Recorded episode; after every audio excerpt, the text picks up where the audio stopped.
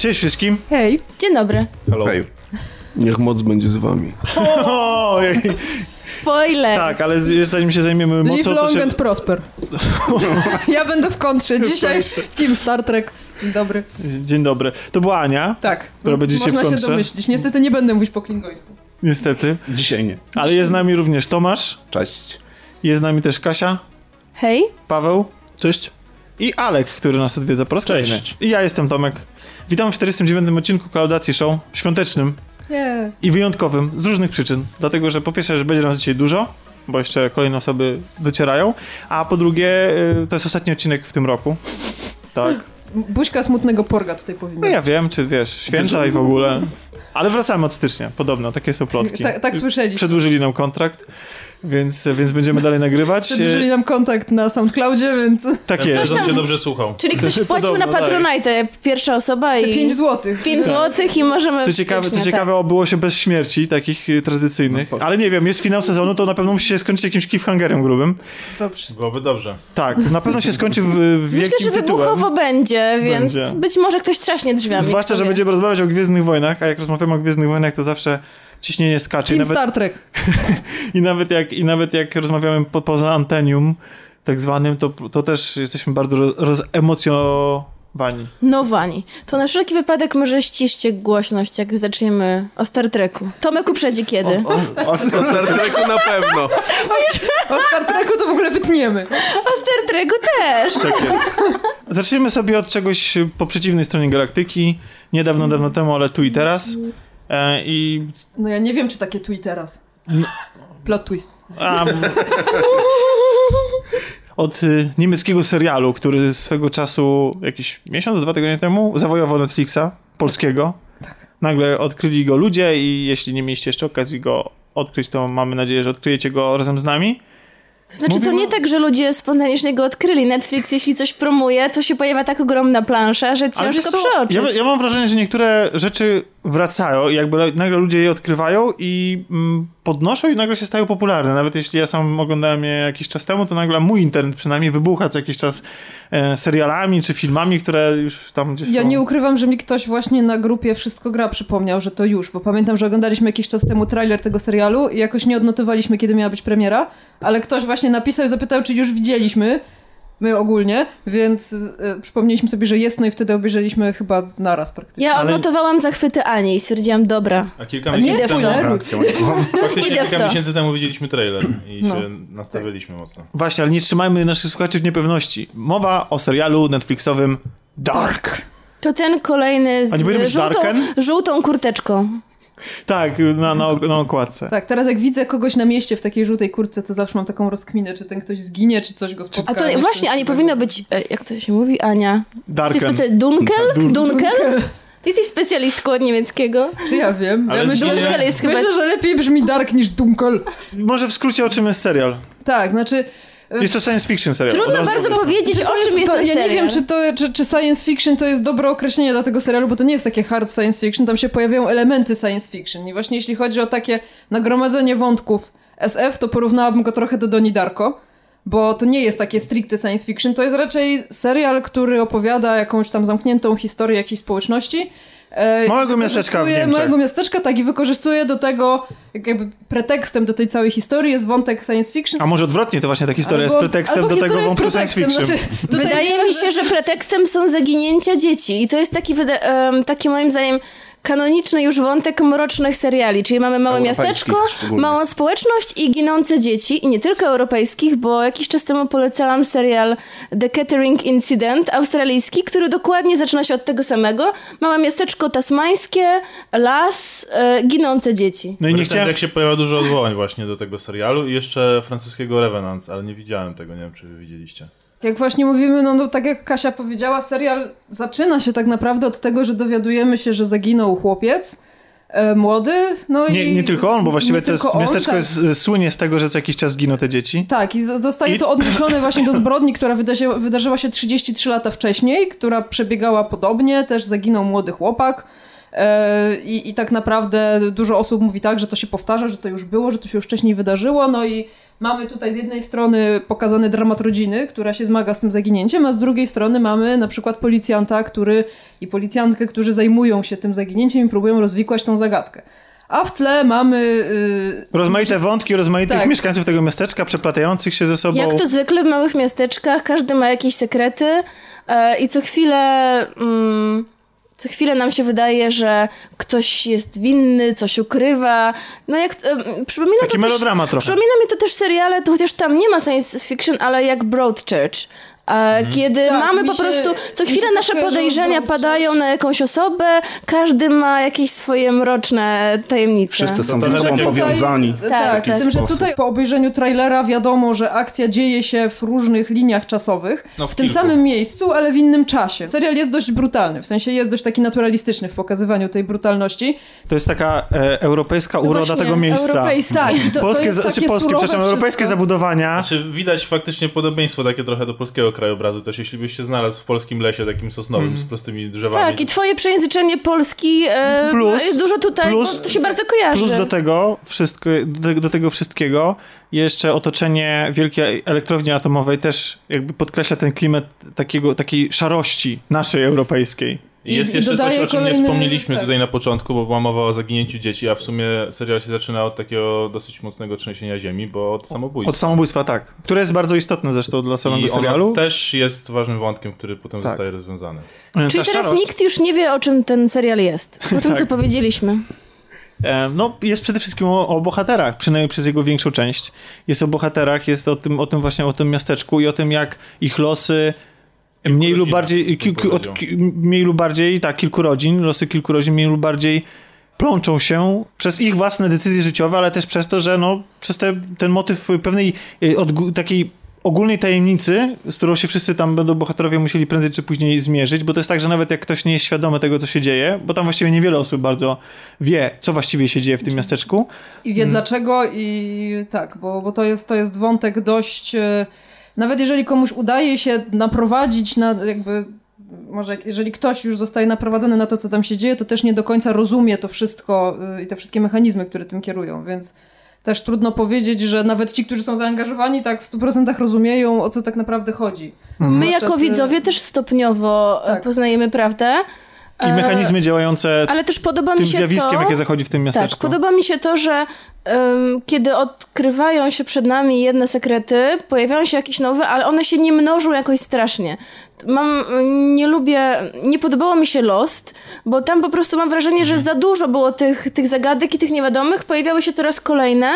Pojawiają się porównania tutaj z Lostem, ale uważam, że są one właśnie krzywdzące, bo tutaj e, więcej jednak wiemy niż nie wiemy. Znaczy nie, no Znaczy, właśnie... jeżeli, jeżeli już Kasiu powiedziałaś, to też myślę, że warto wspomnieć, bo bardzo często pojawiają się też porównania do Stranger Things, które moim zdaniem są jeszcze bardziej krzywdzące dla tego powierzchowne serialu niż porównania porównywanie To są właściwie po pierwszym odcinku można odnieść takie wrażenie, że E, faktycznie, tak, że to jest małe ale- miasteczko, w którym zaczyna się e, dziać coś dziwnego i jeszcze do tego ta atmosfera tej dziwności jest y, komponowana w taki sposób, że mamy bardzo donośną muzykę taką i, i bardzo Taką, długie tak. najazdy na, nawet na jaskinie, które mają nam sugerować, że coś tam się złego w tych jaskiniach czai i że Tak. właśnie jakieś zło następuje. Ale to jest y, łatwo pomylić na samym początku ten y, serial z horrorem, ale to nie jest horror. Mimo tego, że Tak, cały czas to jest- utrzymuje ten poziom napięcia taki, taki trochę horrorowy. thriller, ale Tak, tak, myślę, tak. że po prostu chodzi mi o to, że jeżeli ktoś zostanie zachęcony tym, że serial jest podobny do Stranger Things, to może się rozczarować, bo moim zdaniem to są zupełnie różne seriale i poza A, tym, że faktycznie gdzieś tam się pojawiają No nie, no i pojawia się dzieci, płaszczyzna lat Tak. 80. Właśnie. To chyba też Tak, jest ale, jedno ale to jest- to, i jest, to jest sport- absolutnie inny, inny klimat, inny sposób prowadzenia fabuły i też zupełnie inna jakby waga tego, co się dzieje w tym I serialu. klimat lat 80. w tym serialu e, bardzo przypomina lata 80. znane mi. E, one, nie Serio? są, one nie są takie Wychowałaś się w nerdowskie. RFN-ie, bo prawdę mówiąc to w Polsce, bo w Polsce to nie wyglądały tak te lata Wiesz co? 80. Tak, Ale pięknie. były bardzo po, bardziej podobne na pewno niż te ze Stranger Things, gdzie oni mieli te wszystkie gry i te gadżety, których ja na oczy nie widziałam. A tutaj te makijaże, te ubrania, no Trochę to inne podejście też do podobnie. tych lat Prawda, że 80., ortaliony ponieważ to jednak były. Tak. No właśnie o to chodzi. Stranger Things, y, ta nostalgia była pokazywana jako coś pozytywnego. No, tęskniliśmy Mhm, wtedy za tymi pozytywnymi właśnie rzeczami. Tutaj to były zupełnie zupełnie inne lata 80. Taka siermiężność. No czy właśnie, ale ta siermierzysz była jakoś tak ładnie opakowana, co, co jest No efektem nie tego, wiem, że, te że, okropne makijaże tych dziewczyn, te kurtki, te swetry, o, to było Okej, o straszne. ci chodzi. Krzywo pomalowane paznokcie. To było Rozumiem, straszne. rozumiem. No wiesz co, jest tu, jest tu jakiś pe- pewien ładunek nostalgii, bo bohaterowie nawet, bo tak jak wspomnieliśmy, akcja się dzieje w kilku y, planach czasowych i dzieje się również w, powiedzmy w niedalekiej przyszłości i w tej niedalekiej przyszłości Czyli w e, roku często 2019. w tak 2019, naprawdę, tak? więc- Często jest tak, że tam pobrzmiewają pewne nuty piosenek z lat 80. i to jest ten ładunek nostalgii też tak wykorzystywany w tym serialu. Te, te lata 80. są sportretowane, no, oczywiście one są szare i takie żółte, takie jak myśmy, my je przeżywaliśmy, my starzy ludzie z lat 80., ale, ale to jest też tak, że zdjęcia w tym serialu są bardzo piękne, bardzo ładne i to y, te ładne zdjęcia portretują te lata 80. i przez to one są trochę ułagodzone i takie wybłyszczone, takie wypastowane, wiecie, to jest taki, taki e, trabant, ale świeżo wyjechany z fabryki, prawda? No Coś trochę jest. tak. Pojawiają się też porównania do Twin Peaks i myślę, że to jest e, właściwsze porównanie niż Stranger Things. A tutaj mamy dodatkowo jeszcze taką ciekawostkę, bo y, wspomnieliśmy właśnie, że akcja serialu dzieje się w trzech różnych płaszczyznach czasowych, ale ona za każdym razem dotyczy tych samych bohaterów. Więc widzimy bohaterów zarówno w ich młodości, widzimy ich powiedzmy kiedy są starsi i widzimy niektórych z nich jako powiedzmy już kompletnych staruszków. I śledzimy tak naprawdę te ich historie na tych trzech płaszczyznach i widzimy, że ich role na przykład w, w tym wszystkim, co się dzieje, albo się zmieniają, albo właśnie wpływają na siebie nawzajem w bardzo różny sposób. I na początku jest trochę trudno się w tym połapać, zwłaszcza jeśli chodzi o to, kto jest kim. Bo o ile mamy osobę, która na przykład ma pieprzyk i jesteśmy w stanie ją po tym pieprzyku rozpoznać, to często jest tak, że są osoby, które...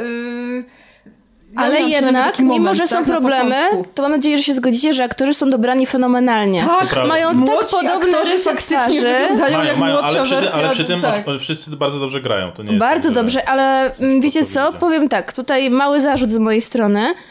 Nie ja i mam wrażenie, że w ogóle też nasze społeczeństwo odzwyczaiło się od oglądania różnych rzeczy ze stuprocentowym skupieniem. I ja po obejrzeniu ciurkiem pierwszych trzech czy czterech odcinków byłam trochę zmęczona, ponieważ nie mogłam sobie coś na komórkę zerknąć, odejść Prawda. na chwilę. Musiałam w stu procentach patrzeć i kojarzyć, kto jest kim, o co chodzi. Musiałam zrobić sobie przerwę kilkudniową, potem już wciągnęłam resztę za jednym zamachem. Bo to nie jest ale, serial na drugi ale, ekran na Tak, pewno. ale zmęczyłam się na początku trochę, mimo że bardzo mi się podobało, tym, że muszę kojarzyć, cały czas myśleć i być tam. A tutaj szczególnie jest jeszcze kwestia tego, że nie możesz słuchać, bo nie jest po angielsku. Tak, tak, dokładnie. Jest- się dzieje, Włączysz dubbing, ale my spróbowaliśmy na tego. 3 minuty i zrezygnowaliśmy. Angielski dubbing jest, tak? Jest, Jest, jest, jest, ale nie polecamy. Znaczy, to, to Kasiu, co ty powiedziałaś, faktycznie Tak, może być odbierane napisy. jako Tak, zarzut, tak, tak. ale ja to odbieram jako bardzo duży plus tego serialu z kolei, bo ja lubię, kiedy serial ode mnie wymaga czegoś więcej. Ale to prawda, Fajnie jest to obejrzeć prawda. sobie serial, który możesz oglądać w tle i ja też lubię takie seriale, bo nie oszukujmy się, każdy z nas pewnie robi 10 rzeczy naraz. Ogląda gdzieś tam serial, coś sobie gdzieś tam czyta, przegląda i, i to jest okej. Ale przy Witamy tym w serialu... 2017. Taki mamy czas. Tak, ja na, no, no nie oszukujmy się, no tak jest, Ale ale, tym ja przy tym serialu nawet nie miałam ochoty zerknąć w telefon, czy nie miałam ochoty w ogóle gdzieś się tam rozpraszać, bo byłam tak skupiona na tym, co się dzieje i dla mnie to było super, że trzeba było cały czas zwracać uwagę na to, co się dzieje na ekranie, właśnie dlatego, że inne seriale nas do tego nie przyzwyczajają. To znaczy, Aniu, ja Co nie zmienia trochę... faktu, co nie, nie? zmienia faktu, że moim zdaniem faktycznie jest tych wątków tam za dużo i, i przez to, że serial skacze pomiędzy tymi liniami czasowymi, to faktycznie to nie jest na samym początku, jest trudno się przyzwyczaić do, do, do tych wszystkich osób i Jest, zrozumieć, jest, że ten jest, ten jest tym, No ten i jest dlatego tamtym. trochę właśnie byłam zmęczona, ale jednak to zaskoczyło. Zwłaszcza, że tam bardzo często się zmieniają małżeństwa, y, jedni zdradzają Zdrady, drugich tak. i tak dalej, więc te rodziny się też tam przeplatają. Te zdrady w małych miasteczkach. Właśnie, zwłaszcza, że ci bohaterowie, moim zdaniem, przykuwają do ekranu. Początkowo być może ciężko właśnie się y, ich wszystkich rozpoznać i ich polubić, ale ja z biegiem, jak serial, y, jak akcja serialu przebiegała, to ja się coraz bardziej angażowałem w te ich y, prywatne losy. To zresztą chyba dotyczy każdego serialu. Nawet w, na wspólnej, oglądając po prostu 10 odcinków z rzędu, człowiek już później tak wsiąka, że chce to kontynuować i wiedzieć, co się wydarzyło dalej. Miałam tak z M jak miłość w którejś wakacje, przyznam się. I słuchajcie, i teraz, i teraz y, to jest tak, że ten serial się składa z 10 odcinków, z czego 9 odcinków jest, e, myślę, że w ogólnej ocenie prawie wszystkich bardzo dobrych, bardzo dobrymi. To są, to, to, to, to są rzeczy, które nas przyciągnęły do tego serialu i to są rzeczy, i to są, te, te 9 odcinków jest bardzo mocno skupionych na tych bohaterach. To, to ja oglądając ten serial miałem wrażenie, że to jest, oglądam serial bliźniaczy, to porównanie się jeszcze nie pojawiło, Leftovers. Bo to y, to Leftovers, który ja absolutnie kocham i który mam nadzieję, któremu, y, dla którego kiedyś poświęcimy jakiś y, specjal y, Ja kolaudacyjny. obiecuję, że obejrzę poza pierwszym sezonem całą resztę, naprawdę. Bo ja Chciałam powiedzieć, że od początku kolaudacji planujesz ten tak, specjal. no to, jest, to, jest, to jest po to, po co powstała kolaudacja, Ja żeby myślę, że my musimy obejrzeć i Tomka po prostu zmasakrować. zmasakrować, żebyśmy to zrobili. A, w ten sposób. Myślałem, że właśnie zniszczyć mój serial. To jest serial, który, to jest serial zrobiony przez e, twórców Lostów między innymi i, i on jest zrobiony w, w sposób, w który był, byli Lości zrobieni, tylko że on od samego początku nie obiecuje tego, co Lości, czyli on nie obiecuje rozwiązania tajemnicy. On mówi ci, że wydarzyło się w tym świecie coś, coś, coś powiedzmy z pogranicza science fiction, ale nie tłumaczy w jaki sposób się to wydarzyło i go to wcale nie obchodzi. On, Ale o ile ja dobrze pamiętam, to tam właśnie to, co się wydarzyło w Leftovers było tłem dla tej całej historii i zupełnie nieistotne Dokładnie. było, dlaczego to się stało, Tylko- tylko, istotne było to, jak to wpłynęło na ludzi. Dokładnie, bo to był serial tak? opowiadający właśnie o konsekwencjach pewnego wydarzenia, co bardzo łatwo było można przenieść do naszego codziennego życia. I ja miałem wrażenie przez te 8 czy 9 odcinków oglądając Dark, że to jest dokładnie taki sam serial. Tutaj elementy science fiction y, są, są przedstawione bardzo symbolicznie. Tam nie ma, wiecie, wielkich maszyn, jakichś nie wiadomo jakich efektów specjalnych. Wszystko jest takie bardzo umowne. I wszystko jest takie bardzo Właściwie nie jest wytłumaczone, jakoś serial się bardzo nie skupia na tych wszystkich niuansach związanych z y, różnymi liniami czasowymi. I dlatego bardzo byłem zawiedziony i nie tylko ja, bo to jest rzecz, która budzi największe kontrowersje, bo ile te dziewięć odcinków myślę, że każdy, kto ogląda ten serial może polecić, my na pewno. O tyle przy dziewiątym nasze oceny w stosunku do tego serialu się, przy dziesiątym, przepraszam, e, odcinku się rozmijają, ponieważ dziesiąty robi mało woltę i powoduje, że nagle ta skromna historia y, związana z tymi bohaterami urasta do rangi czegoś naprawdę dużego. I to Ale nie wszystkim się moim podoba. zdaniem, Tomku, to się nie dzieje tylko w dziesiątym odcinku, bo pojawia się też w serialu pewna zagadkowa postać, która jest... e, Sugeruje, że będzie za tym stało coś więcej i, i to będzie prowadziło jeszcze do czegoś innego, więc jesteś, to nie jest tak, że nagle dostajesz w łeb i, i ojej, to wcale nie o to, to to jest chodziło. fakt, że to nie jest tak, że ta postać, bo gdyby Postać ta postać tak, ale to, pojawiła co- się, to, znaczy co ten robią- cały wątek, tak, Mhm. pojawił się tylko w ostatnim odcinku, to ja bym też była nim rozczarowana. Ale to, co się dzieje to w jest dziesiątym tak, odcinku do jest- tego wszystkiego się robi tak naprawdę build-up przez te dziewięć odcinków. Jest w Właśnie, jesteśmy naprowadzani na to. poprzednich odcinkach i te wszystkie elementy, które, które są w poprzednich odcinkach wskazują na to, że coś takiego się może wydarzyć. Tomku, jak to odebrałeś? Bo Tomek, który nie powiedział ani słowa o tym serialu, Bo też oglądał. co miałem Zdanie. tak do powiedzenia, zostało szybciej zaakcentowane przez dziewczynę. I jeżeli... Zakrzyczały cię, chciałeś powiedzieć, tak? E, Ale chciałbym na chwilę wrócić do tego, co Dziękuję ci, Tomku. O, e, o porównaniu z pozostawionymi, e, że no, to prawda, tutaj wydarzenia powiedzmy fantastyczne stanowi, stanowią jakieś tło, ale moim zdaniem są bardzo bardziej istotniejszym wątkiem niż ta tajemnica, która była w Leftovers. No, bo tam, tam, tam w ogóle ona nie jest poruszana w Tutaj- sposób. Tak, ona jest takim stuprocentowym tłem. Tutaj, tutaj to się no- wszystko przeplata właśnie bardzo dokładnie i oczywiście mamy tę część związaną z relacjami e, międzyludzkimi i tak jak one się rozwijają na przestrzeni e, lat w tych kilku, kilku okresach czasu, no ale też jest bardzo istotny wątek fantastyczny. Jak to zaczyna się ze sobą łączyć? e, Tutaj można mieć do tego podejście tak naprawdę dwojakie, bo Oczywiście my już chyba jesteśmy przyzwyczajeni do tego, że w serialach e, pojawiają się otwarte zakończenia i teraz jest kwestia tego, jak my do tego podejdziemy. Czy jesteśmy sobie w stanie e, na bazie tych pewnych otwartych, e, niezakończonych wątków zbudować sobie wyjaśnienie, jak bardzo się w to zaangażujemy, czy jednak oczekujemy, że to będzie podstawa do kolejnego sezonu. Tak moim zdaniem można odebrać właśnie końcówkę Dark. I ja ten ostatni odcinek, dziesiąty, y, powiedzmy, że zaakceptuję warunkowo, bo on w pewnym sensie y, próbuje zachęcić do dalszego ciągu zupełnie czymś innym, na czym, czym urzekł mnie ten pierwszy sezon. Właśnie tą taką e, kameralnością, e, skupieniem na relacjach międzyludzkich. Tutaj nagle dostajemy jakieś przesłanki do niesamowicie rozbuchanej intrygi, tak naprawdę, które zaczynają się gdzieś tam pojawiać, a ostatnia scena Jest Moim- cliffhangerem, a dwa, że... znaczy moim zdaniem tutaj pozostało e, e, tak dużo nie, mm, jakby niewyjaśnionych kwestii, e, pytań, na które nie ma odpowiedzi, że nie można tego potraktować jako coś, gdzie my sobie sami dopowiemy. To jest ewidentnie podstawa do drugiego sezonu. Jeżeli drugi sezon, nawet w tych nowych warunkach, które zostały nam pokazane, będzie jednak opierał się na bardzo podobnym stylu do pierwszego, to wszystko będzie ok, bo nie wiem, o kondycji człowieka można opowiadać w bardzo różnych scenografiach, prawda? Jeżeli my Ale jeżeli będziemy skupieni na kilku bohaterach i losach, które ich łączą poprzez czas, to okej, ja się z tobą zgodzę. Natomiast jeżeli to ma urosnąć do rangi wielkiego dzieła science fiction rozpisanego na sześć sezonów i gigantycznego zagrożenia Nie dla no, ja całego mam świata, nadzieję, że nie. No oczywiście, to nie. niestety to jest Ale wtedy jest- stracona sprawa, bo już wiele przypadków podobnych mieliśmy. Bo rzeczywiście to, co moim zdaniem jest największą siłą tego serialu, to właśnie to, jak dzięki wątkowi science fiction, czyli dzięki e, różnym strefom e, czasowym, są właśnie pokazane relacje i to, jak różne wydarzenia z przeszłości na nas wpływają. I to nie tylko nasze, ale naszej rodziny i naszych przodków, jak to nas tworzy. To jest bardzo ciekawe, bo rzadko coś takiego jest poruszane w serialach innych niż jakieś sagi rodzinne.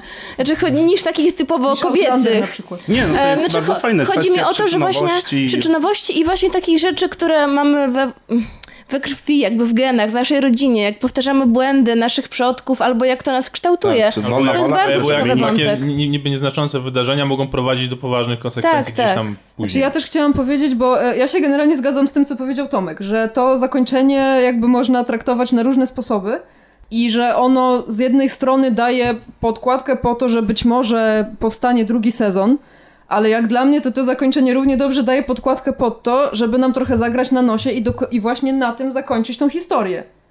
Bo nawet gdyby tutaj nie było drugiego sezonu, Tomek mówi, że jest wiele y, pytań, na które nie ma odpowiedzi. To jest prawda. Ale ten serial daje taką podstawę do tego, żeby się nad tym zastanawiać i żeby sobie to samemu dopowiadać, że jak dla mnie to też jest wartością samą w sobie, bo ja już kiedyś mówiłam, że ja lubię rozkminiać takie rzeczy. I dla mnie obejrzenie tego ostatniego odcinka pozwoliło mi właśnie na e, takie spojrzenie trochę z innej strony na te wątki i specjalnie wczoraj obejrzeliśmy sobie jeszcze tak na szybko cztery ostatnie odcinki, żeby powiedzmy powyciągać niektóre z tych, z tych wątków, które się tam e, zamykały czy nie zamykały w tym ostatnim odcinku. I ja uważam, co jest może dość kontrowersyjne, ale autentycznie uważam, że ten serial na tym mógłby się skończyć. To jest Ale ja też tak uważam, ja To nie potrzebuję kolejnej z jednej serii. strony, ale z drugiej strony on może No nie być cliffhangerem. To może on być może... zamknięta opowieść. to może- Dla Ja mnie- nie potrzebuję kolejnej serii. A to mi brakuje tam kropki na D. Tam są wątki postaci, które moim zdaniem nie są podokańczane i, Absolutnie, i, i tak. to są... I to są to, One nie są podokańczane, tylko pytanie, czy wszystko musi to znaczy, być no to, to jeżeli, jeżeli, jeżeli to jest koniec tego serialu, jeżeli on się miał w ten sposób skończyć, no to, to znaczy, to ja go nie jestem w stanie ocenić super pozytywnie. Znaczy, bo on jest przez te dziewięć odcinków wciąga, angażuje, ale tam brakuje e, rozwinięcia i zakończenia pewnych rzeczy. Ale w takim razie y, mogę rzucić trochę światła na to, bo czytałem wywiad z twórcami serialu. I, I teraz dopiero o tym mówisz? No, czasem ciężko się przebić, słuchajcie, ale y, w każdym Dziewczyny razie, zakrzykują, W każdym razie w wywiadzie była mowa Kasia, o tym.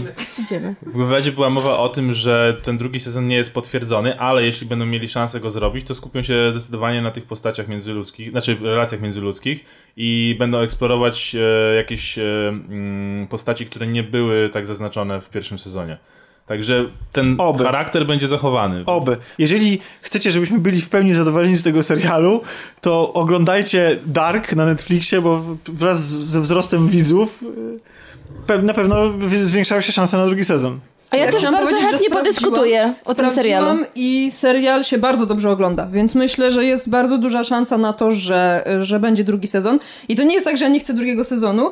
Bardzo bym się cieszyła, jakby powstał, bo bardzo się cieszę w ogóle, że taki serial europejski został zrobiony w taki sposób i że był tak angażujący. W sensie, że no, my jak oglądaliśmy go, nie mogliśmy Dobra się od niego robota po oderwać. prostu, po prostu no. tak e, myślę, że już abstrahując od tego, czy nam się zakończenie podobało, czy nie i jak do nas trafia w ogóle tam rozwinięcie wszystkich wątków, to fajnie by było mieć drugi sezon takiego serialu po prostu. No. A mi się zrobiło smutno, że Niemcy mają Dark, a my mamy Belfra. Mamy Wiedźmina, Belfra mamy. Wiedźmina. Jeszcze nie mamy.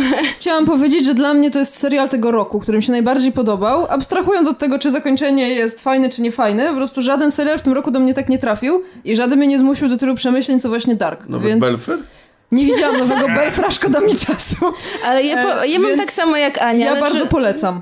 Po tym serialu, jak tylko go obejrzałam, od razu chciałam rozmawiać, co wy o tym sądzicie, jak ten interpretujecie. Od razu szukałam, od razu wyszłam na forum Filmwebu, żeby tam popatrzeć, No jakie to są jest interpretacje. najlepsze miejsce do dyskusji. Ej, ale Zamiast powiedzieć, że od razu weszłam na grupę Wszystko To gra, gdzie też. są prowadzone ożywione dyskusje na tematy szeroko, szeroko Ale chciałam wam powiedzieć, że są bardzo ciekawe dyskusje właśnie na, Filmwebie. na Filmwebie, Nie. na temat tego Naprawdę? serialu. Na temat tego serialu są ciekawe Na Filmwebie Są interpretacje. ciekawe dyskusje? A wszedłeś na stronę tego serialu na tego Filmwebie i dyskusję. A widzisz, to zobacz. Alek za dużo czasu spędza na naszej grupie. A to prawda No akurat. dlatego. Tak czy siak, ja uważam, że to jest najlepszy serial, jaki widziałam w tym roku, a widziałam trochę tych seriali i, i naprawdę bardzo To polecam. ja z małomiasteczkowych seriali chyba jednak e, najbardziej sobie cenię o, o różnych zaginięciach dzieci, chyba najbardziej sobie cenię ten e, czeski. Wasteland. Nie. No, Wasteland to się nazywa, tak? to- to- E, tak. Znaczy po czesku inaczej. Coś Pustkowie, tak. No, to po To, O, to, to ja jeszcze mam to na liście do to, jest, obejrzenia. to jest serial, Ja który nie jest science fiction w żaden sposób, ale który opowiada bardzo podobne historie, no, takich relacji małomiasteczkowych, właściwie w takim podobnym klimacie I się trochę.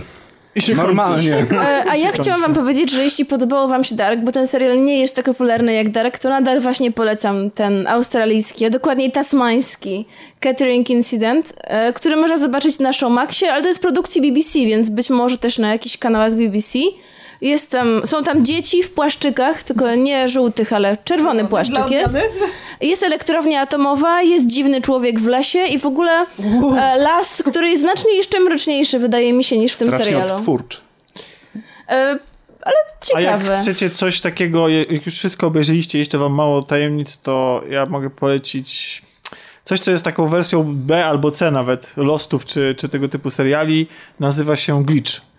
I opowiada, jest, jest trochę tak jakby takim sequelem do Left- Leftovers, bo w Leftovers e, po prostu część populacji znika, a w Glitch e, część populacji e, wstaje z grobu. Ale nie w formie zombie, tylko, tylko się normalnie po jest prostu... takie, to też jest australijski serial, Tak, prawda? jest też australijski, tak, tak. I on jest, on jest, y, no, gorsze aktorstwo, gorsze scenopisarstwo, jest, bardzo dużo czasu poświęcają wyjaśnieniu temu, temu, y, co za tym wszystkim stoi, dlaczego tak się dzieje, co mi się, prawdę mówiąc, tak średnio podoba, bo dużo bardziej bym się wolał właśnie skupić na tym, na tych, na tym zderzeniu ludzi, którzy powrócili po 100, po 50, po 20 czy po 3 latach do tego życia i muszą z powrotem zacząć funkcjonować w tym społeczeństwie. To byłoby dla mnie dużo ciekawsze niż y, kazanie im biegać, biegać po tym miasteczku, oczywiście małym miasteczku a, australijskim, y, bo i unikać kręgu który ich zabija.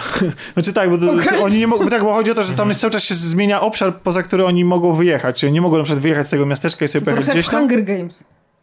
Można tak powiedzieć. Zresztą oni w ogóle mają między sobą bardzo ciekawe relacje. Jest tam, jest, jest to całkiem fajne, natomiast trzeba mieć pod uwagę to, że to jest taka klasa niżej na pewno niż The Dark, czy Dark, przepraszam, czy... Bo właśnie te- tam brakuje tego D, nie? Właśnie mi nie brakuje. Der Dark. takie- Dark. Bo to nie jest jedno D, to jest Dark ze wszystkich stron. Ja się przez trzy lata uczyłem niemieckiego, ale jedyne co umiem, to umiem zaśpiewać jedną piosenkę po niemiecku. Dawaj. Hello, hello, hello, V. Gates. Danke prima gut, danke prima gut, danke prima gut, auf Wiedersehen. Nie, mamy początek. Tomek Pieniak śpiewa, proszę, proszę. Tego jeszcze nie było. Nowak zarzucała bity. Cześć Basiu. Witam serdecznie. My tu gadu gadu, a najważniejszy temat, A świat płonie. a świat płonie. No, można tak powiedzieć. Płonie, ponieważ miała, miały premierę Gwiezdne Wojny Nowe, Ostatni Jedi. I muszę przyznać, że jestem absolutnie pod wrażeniem tego, jak niesamowicie ta marka oddziałuje do tej pory. Pomimo przyjęciu przez Disneya, kolejne filmy wychodzą co rok, a nie co kilka lat, y, czy kilkanaście nawet. I po prostu rozpalają całe, cały internet właściwie. A już ten nerdowy to już w ogóle A totalnie. naszą grupę to... Naszą grupę, ale nie tylko właściwie... Podzieliliśmy się, słuchajcie. Już nigdy nie będzie tak wcześniej. To prawda, Żeby to, to był prawda. pierwszy to, są, to, są, to są chyba najbardziej kontrowersyjne Gwiezdne Wojny, jakie kiedykolwiek e, się ukazały. A Mam ja takie mam, a ja mam kontrowersyjny... Od razu na początek kontrowersyjną myśl, że jak oglądałam tę, tę część, to przypominał mi się, e, się, przypominał mi się film Władca Pierścieni. Naprawdę. Że taki długi. Nie, ale później powiem dlaczego. Dobrze. Ale chcę naprawdę. Zapytać, czy Obraziliście się już? Czy No więc właśnie. Chyba wiem dlaczego, ale chyba się nie zgadzam. Dobra. Dobrze, słuchajcie, Okej. żeby, żeby, żeby więcej nie trzymać naszych e, słuchaczy w niepewności. Drodzy słuchacze, Gwiezdne Wojny, Ostatni Jedi to jest drugi film z e, trylogii tej disneyowskiej i łącznie to jest ósmy film w głównej serii, a dziewiąty w ogóle. W uniwersum, które jest rozpisane na masę książek, komiksów i tak dalej. Moim zdaniem nie ma absolutnie żadnego sensu rozmawiania o tym filmie bez spoilerów. To jest historia, która jest, nie jest ani ot- otwarta w tym filmie, ani też się w tym filmie nie kończy. Jest to ewidentnie środkowy rozdział pewnej historii. W związku z tym, jeśli nie chcecie słuchać e, dyskusji spoilerowej, to niestety będziemy się, musieli się z wami pożegnać, bo moim zdaniem po prostu nie ma sensu opo- opowiadania, bo ten film tak bardzo działa, oddziałuje i łączy się, bądź też nie łączy się z e, poprzednią częścią i e, właściwie to jest, rozmawianie o nim bez spoilerów jest takie bez sensu, bo jeżeli oglądaliście poprzednią część i wam się podobała, albo jesteście fanami Gwiezdnych Wojen, to i tak zobaczycie ten film. A jeśli nie oglądaliście poprzedniej części, to nie ma sensu słuchanie o tym filmie, ponieważ nie da się go oglądać w oderwaniu od poprzedniej części. Powinniście obejrzeć poprzednią część, żeby poznać tych bohaterów. Że w ogóle powinni, powinniście obejrzeć poprzednie wszystkie części. Trochę to skomplikowane. Obejrzyjcie Gwiezdne Wojny. Tak, Po prostu obejrzyjcie ten film. Część słuchaczy zapewne właśnie w tym momencie tracimy. Mam nadzieję, że nie za, na zawsze. Ale ponieważ jest to nasze ostatnie spotkanie przed, przed Nowym Rokiem to i przed świętami, no to chcielibyśmy wszystkim życzyć wesołych świąt, prawda? I szczęśliwego Prawda. Nowego roku. Bardzo wesołych, jest. Niech spokojnych. moc będzie z wami. Dokładnie. Tak. Dokładnie. Bardzo dziękujemy Wam za ten e, wspólny rok i mam nadzieję, że przysz, przyszły przyniesie tyle samo fajnych rzeczy, które przyniósł Stan, jeśli chodzi o kulturę. Oby przyniósł lepsze Gwiezdne Wojny. O! Zaczynasz Dobrze. z grubej rury? Trzymajcie się, a tymczasem my właśnie tym przejściem Pawła rozpoczynamy dyskusję o nowych Gwiezdnych Wojnach, które są niesamowicie kontrowersyjne. Są. Są, po prostu ja, y, to jest... Co w tym jest kontrowersyjnego? Zacząłeś pojednawczo bardzo. Wszyscy Nie, się bo- zgodzimy. Gdzie jest ta kontrowersja straszna w tym? No, No, w tym, że tym, że, otwierają. że widać, wystarczy wejść chociażby na jakikolwiek agregat ocen, gdzie od krytyków te filmy dostają bardzo wysokie noty, Opłaceni, wszystko opłaceni. a tymczasem od y, widzów, fanów y, te noty są y, bardzo małe, bo właściwie chyba tam 5,9 zdaje się, że na Rotten Tomatoes, a, a, a, a, a tymczasem od krytyków jest jakieś 8 85, więc y, ta rozbieżność w ocenach jest gigantyczna. Poza tym, Krytycy oceniają, wydaje mi się, od strony scenariuszowej, technicznej, jako film, wiesz, a jest to, że fani, ten film właśnie... A fani e, jako- oceniają jako część, jako część odwrotnie, nie, e, jestem w stanie, uniwersum. nie jestem w stanie spłycić tego e, podziału do, do, do takiego stwierdzenia, dlatego że znam fanów, którzy są absolutnie zdruzgotani tym filmem. Znam fanów takich naprawdę oddanych i wkręconych, którzy są tym filmem zachwyceni i znam też fanów, którzy są tak zaskoczeni tym, co obejrzeli, że nie wiedzą, co myśleć. I to są ludzie, którzy oddali serce te, tej marce i którzy kochają tą markę, której się poświęcają nawet w wolnym czasie. I są tak skrajnie te opinie, chociażby siedzący tutaj obok siebie Basia i Alek, którzy, gdzie a, zarówno Basia, y, znaczy Basia jest, jak już zdążyła wam powiedzieć, jest raczej niezadowolona, podczas gdy Alek, tutaj zdradzę, y, zaspoiluję jego opinię, jest raczej przychylny temu filmowi. Jestem bardzo przychylny. No To więc mi się podobało. wynika to z tego... Nie mieszkamy już razem, wiecie? Nie, tak, a wy, wynika to z A tego... Basia już zaczęła stosować przemoc e, fizyczną, Fizyczną, tak. wobec Alka. Pomówienia, słuchajcie, pomówienia. Ale powiedz, że pomówienia. No więc słuchajcie, bo to wynika z tego, że Gwiezdne Wojny są marką transmedialną i transpokoleniową. Znaczy jest, jest to tak gigantyczna czte- 40-letnia Transcendentalną Basią. 40, transcendentną i Teraz immanentną. 40-letnia marka, która, stoi, która jest fundamentem kultury nerdowo-geekowej, która właściwie jest najważniejszą tego typu marką. Żadna inna marka nie znaczy dla popkultury tyle, co Gwiezdne Wojny. I ona przez to, jak była pilnowana przez właścicieli tej marki przez te wszystkie lata, to mm, umacniało właściwie swoją pozycję, jeśli chodzi o popkulturę i też y, y, powodowała, że y, jakby stawała się coraz bardziej konserwatywna, ale też w jakiś tam stopniu rozszerzała się coraz bardziej, zdobywała coraz to nowych widzów w kolejnych pokoleniach. Są ludzie wychowani na pierwszej trylogii, są ludzie wychowani na prequelach i są ludzie, którzy będą wychowani na obecnej trylogii, czy na nadchodzących filmach. Są to tak różne pokolenia, są filmy animowane. Podejrzewam, że istnieją ludzie, dla których Gwiezdne Wojny to są właściwie klocki Lego. Tak po prostu. Są ludzie, y, dla których Gwiezdne Wojny to jest epoka wojen klonów na przykład. Podejrzewam, że są ludzie, którzy widzieli tylko pierwsze trzy filmy i, ty, i dla- dla nich Gwiezdne Wojny to są te pierwsze trzy filmy, a są ludzie, dla których Gwiezdne Wojny to jest pierdyliard wątków historii, tysiące lat historii tego świata i znają każdy jeden guzik od każdego jednego munduru. I dlatego stąd moim zdaniem wynikają te gigantyczne rozbieżności w ocenach i ta kłótnia o to, jakie te nowe Gwiezdne Wojny są.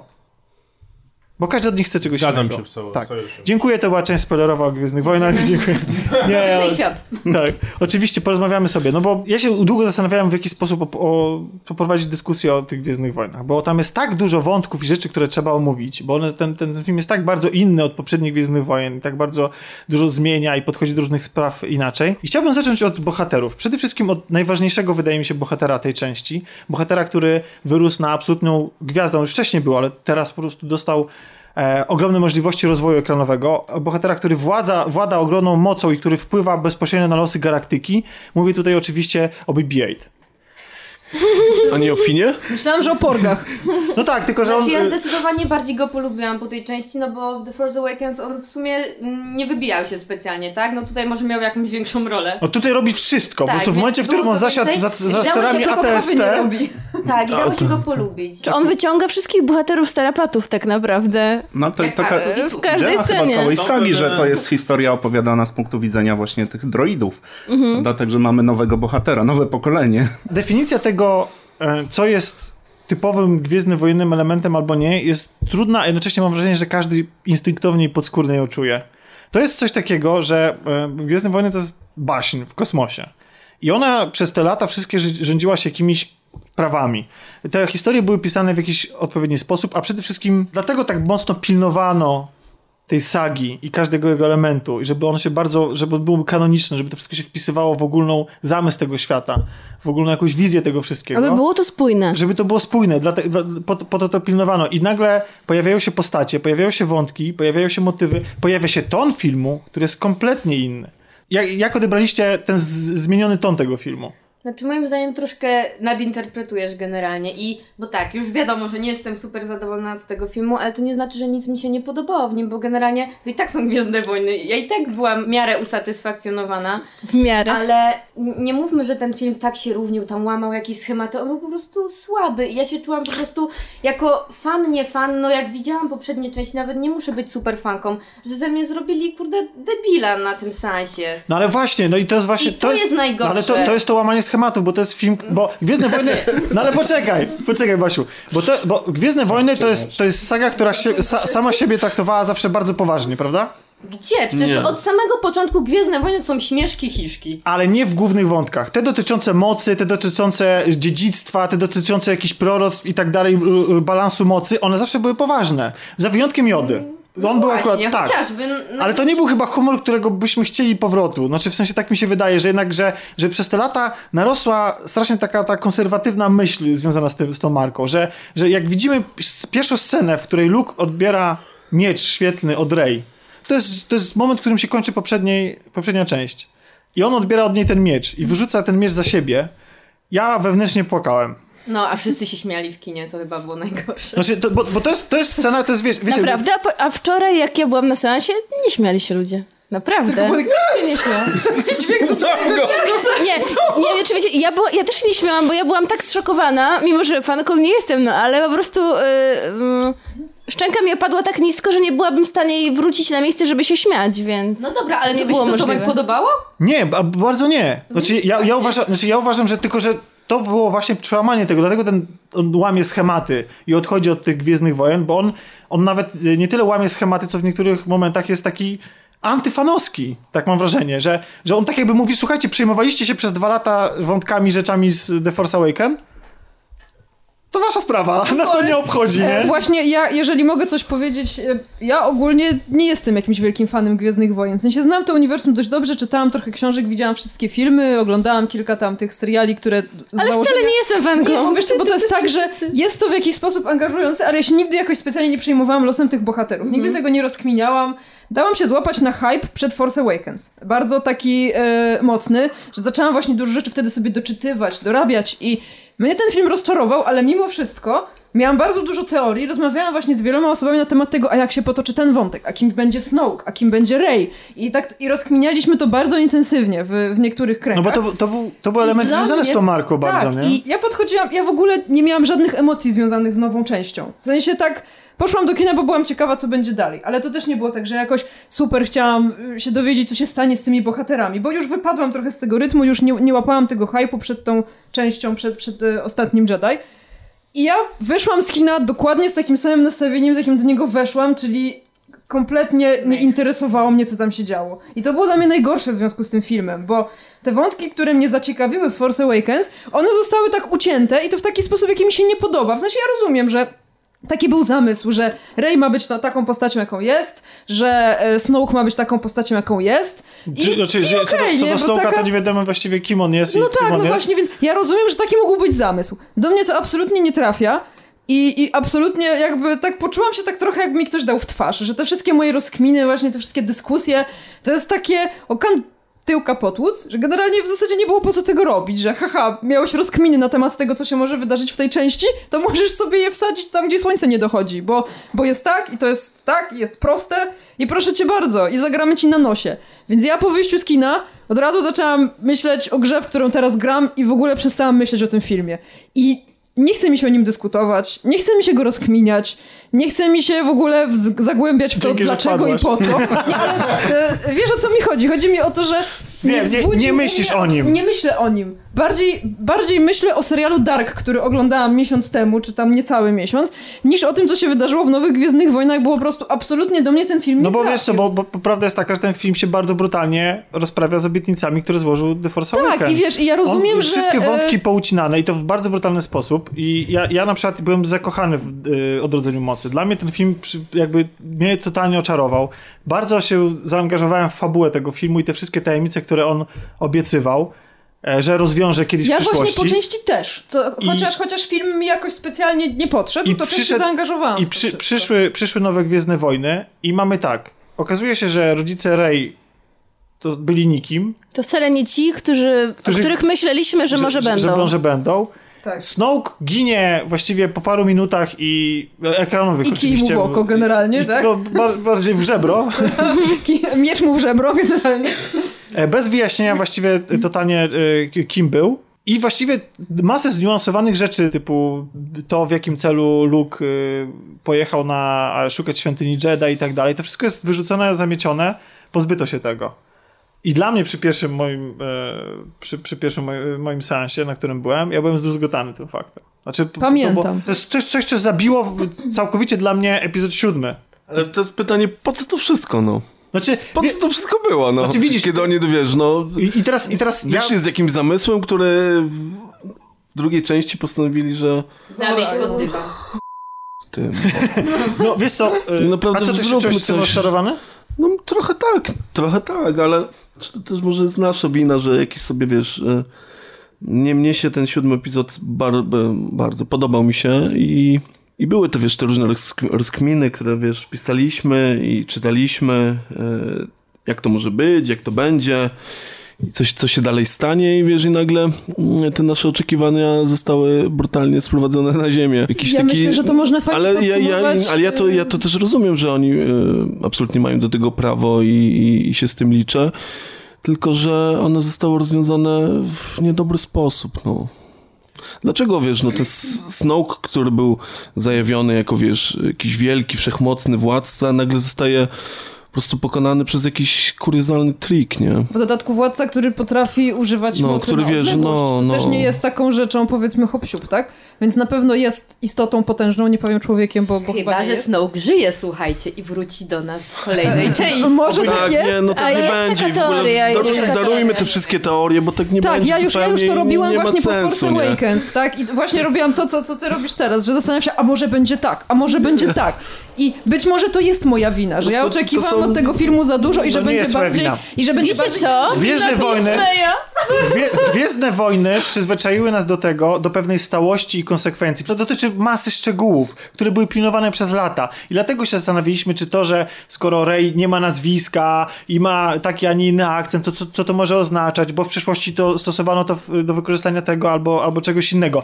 I nagle przy... Że ona będzie jak Anakin, I- i- że zrodziła się z mocy. Dokładnie. Czy mogę, czy mogę jedną rzecz a propos tego, co, co przed chwilą jeszcze mówiliście? E, to tak Mam trochę déjà vu, bo przypomina mi się e, nasza rozmowa o nowym obcym. I dokładnie pamiętam te same żale i to właśnie wtedy Ania głównie przodowała w swoim zawodzie.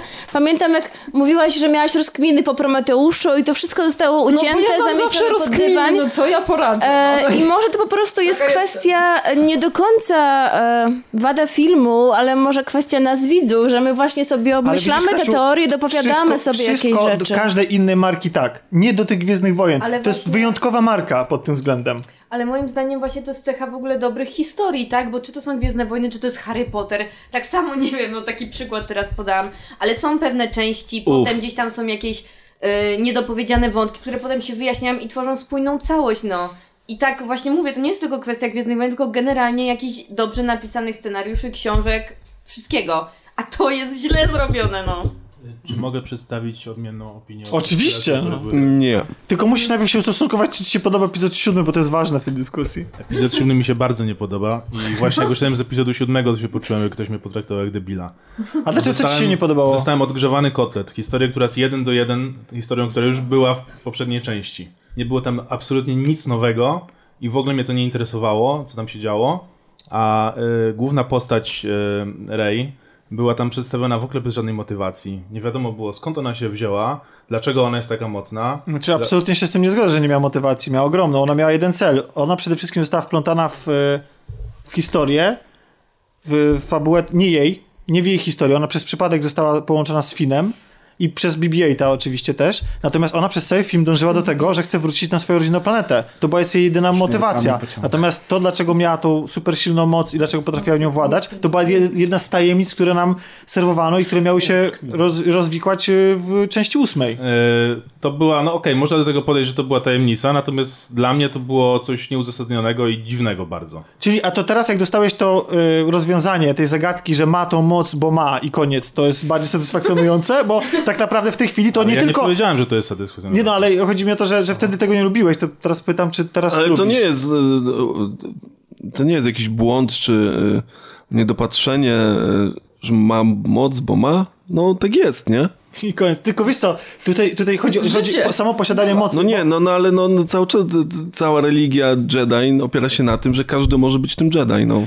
Tak, ale też Każdy może poczuć sobie małego mocą rycerza, no. bez żadnych takich e, wyjaśnień ekranowych w sposób, który, którym nie władali nawet y, ludzie, którzy, nie, którzy mieli trening przeprowadzony Oj w tam, przyszłości. oj tam. Znaczy wiesz, chodzi o to, że, że Czepiasz ona w, w epizodzie siódmym potrafi kontrolować umysły, czas. gdzie nigdzie wcześniej nie jest pokazane, że, one, że ona mogłaby wiedzieć w jaki sposób to To robić. jest pełna zgoda. I tak samo w epizodzie ósmym wywija mieczem w taki sposób jak- i w ogóle walczy i, i tak dalej, jakby była przeszkolonym Jedi, tymczasem ona spędziła kilka dni na No tym dobrze, na tym- ale- No tak, ale po, dni, tak?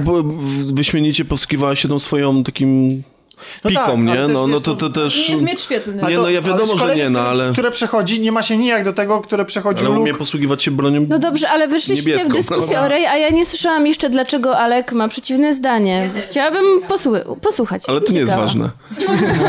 Nie, nie, bo ma inne.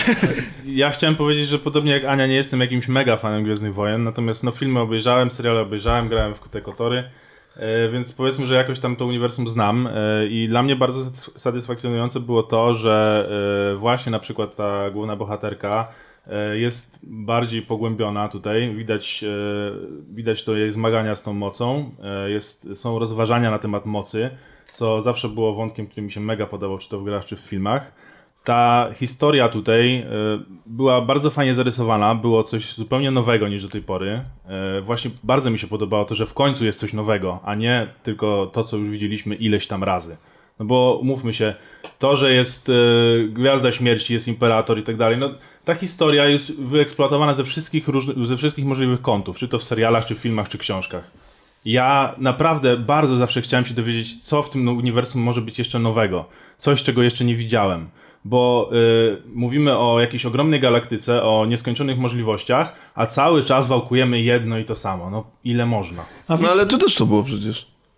No, że, gdzie oni, czy oni poszerzyli tą galaktykę? No cały czas kręcimy się wokół... S- Gwiazdy Śmierci. No Jezus Maria, no ale cały czas wokół Skywalkerów się, no był Luke, był Leia, był, był Rey, był... Skywalkerowie umierają. No ale cały czas, no ale no, jeden Skywalker został, co nie? No, najważniejszy. Najważniejsze. No to cały czas się kręcimy wokół tych jednych Wychodzimy postaci, no. schemat. To znaczy już dla mnie- No to jednak wiesz, no... Dla mnie Gwiezdne Wojny to była przede wszystkim saga rodu Skywalkerów, bo mam wrażenie, że gdyby ta rodzina nie istniała... Tak, tak Lukas zawsze do tego podchodził, No i- ale Lukasa już nie ma z nami. No tak, ale, ale nadal jakby dla mnie powtarzalność tej historii i oparcie jej o tym, że ciągle śledzimy tych, tą samą rodzinę i że te wydarzenia są bardzo podobne, w ogóle mi to nie przeszkadzało, bo dla mnie to jest ja traktowałem te Gwiezdne Wojny jako taką ikonę popkultury, że to jest coś w stylu Bonda, że po prostu pewne elementy muszą tam być. Mi w ogóle nie przeszkadzało, że są kolejne Gwiazdy Śmierci, bo miałem to kompletnie gdzieś. Ale po poprzednim No ale też- epizodzie było mnóstwo o to Narzekań. e, Ja to narzekań, rozumiem, bo że to jest, tak jak że jest kolejny narzekał. raz to Natomiast samo. no, ja mnie No ale to było w jakimś celu. To nie był, Znaczy wiesz, tak. to, no, to, to był konkretny to cel, żeby przywrócić celu, żeby- tą Mnie markę mnie Mnie się do podobała żywych, no. poprzednia część. Przyjmiemy argument, Pamiętam. że coś jest tylko po to, żeby zarobić pieniądze. No nie było po, to właściwie wszystkie no. Gwiezdne Wojny od pierwszej części są po to.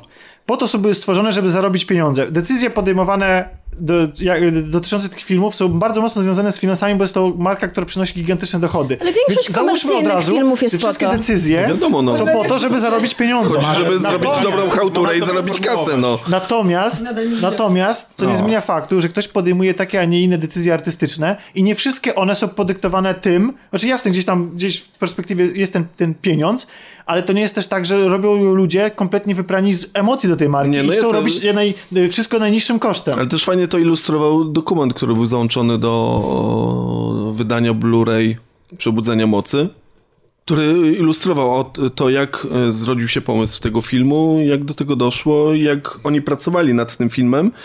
I to fajnie ilustrowało, i że oni to jednak nie robili tylko z powodów finansowych. Oczywiście, że to tam jest nadrzędne, ale z wielką pieczołowitością podchodzili do tej marki i miłością. I to nie jest tak, że Zwłaszcza J.J. Abrams, który jest, y, który jest Dokładnie tak gigantycznym było. No. fanem. Sam Ja jest wiem, fanem. że to jest Tak. dokument, który niby dokument, który ha, ha, ha, ale no jednak pewna szczerość tam Ja wierzę, była że, wierzę, ukazana. Że J.J. i... Abrams jest faktycznie fanem i podchodził z pieczołowitością, ale może podchodził z pieczołowitością do świata przedstawionego, do tego, żeby dekoracje fajnie wyglądały. Potrzebujemy takich fanów. Ale, Tomku, a jak to by się podoba, w jaki sposób ten film koresponduje z y, poprzednią częścią? Y, Do całego uniwersum mam podobny stosunek, jak tutaj Ania i Alek wcześniej powiedzieli. Znaczy miałem z tym styczność w różnych mediach i jakieś oczekiwania względem tego filmu miałem. Ale cały seans siedziałem tak naprawdę zaskoczony. Kompletnie nie spodziewałem To też się tego, co pamiętam. tam zobaczyłem.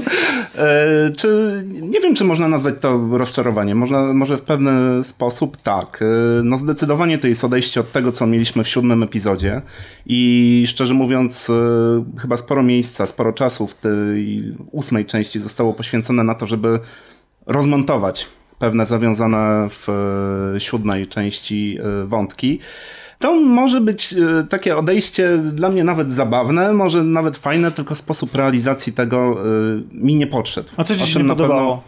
no o tym przepraszam, że jeszcze będziemy... Nie, nie, właśnie nie. Jeżeli chodzi o to, jak ten film idzie w kontrze do poprzedniej... Znaczy nawet nie poprzedniej części, może nawet e, całej sagi. sagi, to jest zabawne, bo e, nie wiem, czy zauważyliście, chyba przez cały film nie ma sceny, gdzie krzyżują się miecze świetlne. Są pojedynki Jest. na miecze świetlne. W, w, we flashbacku. Jak się, jak krzyżuje mieć świetny e, Kylo Ren i... I Luke, tak, Luke. ja go chcę. No Za- ale to, to nie, nie, nie ma takiego pojedynku. Chociaż jak- tak naprawdę to, to, to się nie wydarzyło, Nie, no jest bo, bo pojedynek. w końcu przecież... Yy, Na miecze. z- z- Z prawie lukiem. Ale to nie jest, nie, ale to nie ma czegoś takiego, bo chodzi o to, że nie. Gwiezdne Wojny mają, to mają prawda. pewne charakterystyczne elementy, odcięte dłonie, że ktoś mówi e, I have, I have a bad feelings about this, tak, że, że to, są, to są rzeczy, które się tak jak w Bondzie muszą się pojawić i muszą wybrzmieć. I tutaj faktycznie nie ma czegoś takiego jak taki rzetelny pojedynek dwóch e, bohaterów. Tak, nie masz, nie masz listy, która jest typowa dla każdego epizodu, gdzie odhaczasz elementy było, było, było. Tutaj rzeczywiście to poszło e, powiedzmy na przekór i e, zdecydowanie potrzebuję drugiego seansu e, tego filmu, żeby się móc e, rzetelnie do tych e, spraw odnieść. No ale przyznam szczerze, że na razie nie mam na to ochoty. Poczekam jednak na, na wersję już domową aby sobie na spokojnie to obejrzeć. Akurat y, jeżeli chodzi o mnie, mam bardzo jakieś takie duże skrzywienie na aspekt militarystyczny wszelkiej sagi science fiction. Czy to będą Gwiezdne Wojny, czy to będzie Star Trek, czy inne tego ty, y, tytuły i y, te elementy mi się tutaj podobały. Na początek Bombowce świetne. też? Bombowce, oczywiście, że bombowce też. Dlaczego by nie? Co było nie tak z No mowowcami? pojawiają się Bombowcami? dyskusje, że bomby i grawitacja. No ale ludzie, to no ale to jest są Star Warsy, no. Jak ja słyszę taki argument, gdzie ja nie mogę. Dźwięk eksplozji w kosmosie. to- Litości. Wiecie, że no- teraz kompletnie Tak. to no. Nie, no ale naprawdę. Nie, nie, nie doszukujmy się takich praw fizyki w Gwiezdnych Znaczy, to, Wojnach. to, no to, to, jest w ogóle uniwersum, w którym na ręcznym nie ma czegoś zakręca takiego, w kosmosie no, Paul no. Dameron swoim X-Wingiem, w którym Dreadnought... Kurwa, i- X-Wingi y, mają skrzydła, które wiesz. sz- sz- Machają. No ludzie, no. Ale tam no to są, nie. to są y, w To którym... nie działa. To też są dla Dreadnought z pierwszy, najwyższego porządku ma, uwaga, peryskop w kosmosie, No, nie no. wiem czemu służący, więc no. tam jest stylistycznie, ja, e, ja pamiętam, że w każdej części sagi są jakieś takie odwołania do naszej rzeczywistości i mam wrażenie, że to jest historia XX wieku, trochę w takiej wersji gwiezdnowojennej, z czego centralnym punktem jest druga wojna światowa. Tak, I wtedy tak, Nie, tak. no, no, no, to no. oczywiście. i dla mnie y, te bombowce, prawdę mówiąc, w ogóle te wszystkie technikalia, które się pojawiają w e, Gwiezdnych Wojnach, ja wiem, że są ludzie, którzy są tym absolutnie zafascynowani, gdzie tam się musi zgadzać wszystko. Każda śrubka, każdy milimetr, wszystko musi być dokładnie tak, jak ktoś kiedyś wcześniej powiedział, narysował i to, to są prawidła tego świata i koniec. Plus oczywiście dochodzą prawa fizyki, które po prostu mam wrażenie, że tutaj kompletnie nie istnieją w tym. I to jest baśń. To moim zdaniem, ja, ja rozumiem, że są ludzie, którzy potrzebują uwiarygodnienia tego świata. Znaczy Że ja też oddali temu- traktuję to jako baśń. że oddali temu światu po prostu całe swoje serce, nie wiem, część pewnie swojego życia i tak dalej i oni po prostu go znają na wylot i że I chcą, i chcą, żeby wszystko było zgodnie z tymi prawidłami. Ja osobiście mam to totalnie gdzieś. To znaczy dla mnie ma to fajnie wyglądać na ekranie. Oczywiście jeżeli I jest zbyt duży, tak zwany bullshit, to jest... y, Nie, właściwie nie, ale, ale, ale, jako, ale jako tak, że na ekranie, znaczy są rzeczy, które oczywiście mi się nie podobają i są rzeczy, które mi się podobają i na przykład zrzucenie tych bomb Było spoko. było bardzo fajne, natomiast nie podobało mi się to, że za pomocą tego jednego zrzutu bomb zniszczyli całe, całego Dreadnoughta, no. To już tak Dobra, to jest- a czy ja mogę też powiedzieć o swoim ogólnym podejściu? Bo ja mam jeszcze, wydaje mi się, inne nastawienie niż wy wszyscy tutaj. Ignoranckie, ale wybaczamy ci. Ignoranckie trochę, bo pamiętam, że bardzo podobały mi się, jak byłam mała, części e, te najstarsze, nazywane teraz 4-6, e, które potem obejrzałam jeszcze jako dorosła, kolejny raz. Bardzo mi się nadal podobały, ale zupełnie e, zniechęciły mnie te 1-3. E, I po nich całkowicie straciłam zainteresowanie marką, nie czytałam książek, nie oglądałam seriali i, i w ogóle...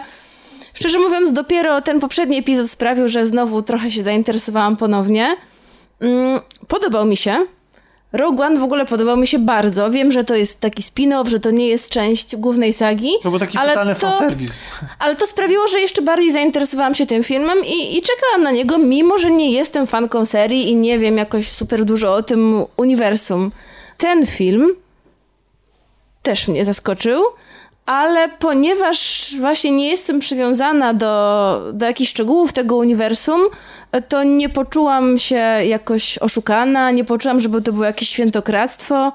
Traktowałam po prostu to jako rozrywkę. Czyli Mam nie zrobiło to na tobie wrażenie, że Snoke został ubity tak szybko i że nie mamy wyjaśnienia, kim był. E, To znaczy, mm, mam różne zarzuty do tego filmu jako do filmu Mhm. właśnie, ale nie jako do części tego uniwersum. Ja w to uwierzyłam i zaakceptowałam Czyli to. wystarczył ci ten Snoke, który był.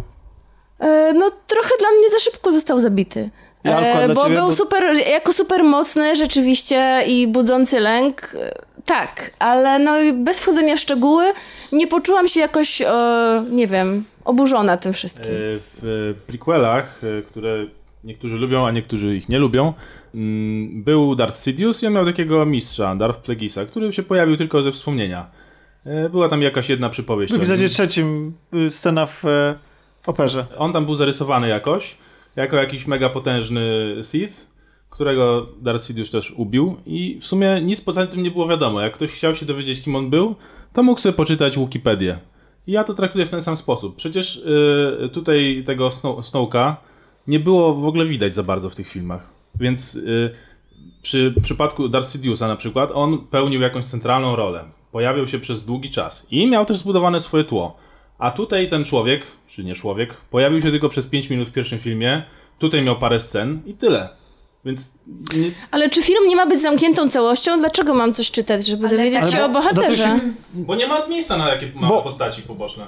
Ale generalnie co do, jaka Ale- jest różnica, bo Snoke został pokazany. Tam nie mamy nic powiedzianego tak naprawdę o śmierci, tak? E, jak został zabity ten Lord Sithów i co się stało. Po prostu był, został zabity, okej, tam my sobie sami doczytujemy. A tutaj mamy tego Snowka pokazanego, jest owiany po prostu taką majestatycznością, że jest taki potężny i mamy pokazane jak on ginie i ja się nie dziwię, że tutaj wszyscy mają niedosyt. Znaczy fajnie by było się dowiedzieć, kim on był, na pewno. Natomiast y, nie jestem pewien, czy to jest jakieś wymaganie, które musi zostać spełnione. Bo Dla jednych tak, dla jednych Znaczy nie, znaczy No, moim, moim zdaniem, tak. znaczy moim zdaniem on to, jaką on funkcję pełni w tej fabule, to nie musi być. Dlatego, że on jest tutaj po to, żeby miał przeciwko komuś się zbuntować Kylo Ren. To jest, to jest figura kogoś, kogo my doskonale znamy ze Świata Gwiezdnych Wojen. To nie jest tak, że to jest, że ósmy, ósmy film ze Świata Gwiezdnych Wojen to jest dziewiąty, ale t- tak, wiadomo. E, to, to to jest film, który jest pierwszy i on musi cokolwiek tłumaczyć. Nie, w pamięci mamy wszystkie rzeczy, które były wcześniej. I on bierze te figury wcześniejsze, Dartha Vadera, Palpatina i tak dalej, i czy, czy z całego rozszerzonego uniwersum i po prostu nimi się posługuje, żeby opowiedzieć nową historię. Nie musi nam na to na nowo tłumaczyć pewnych rzeczy, bo zresztą wiemy, że niektóre z tych rzeczy, jak chociażby tło polityczne, to są rzeczy, które są wytłumaczone w książkach. Ja wiem, że się ludziom to może nie podobać i mi się też nie podoba, co nie zmienia faktu, że moim zdaniem w tej chwili pomysł na markę wygląda w ten sposób, że filmy nie są centralnym punktem tej marki, tak jak do tej pory były i od niej odchodzą inne elementy, jak chcemy sobie poszerzyć to uniwersum, to sobie doczytujemy innych bohaterów, inne historie i tak dalej.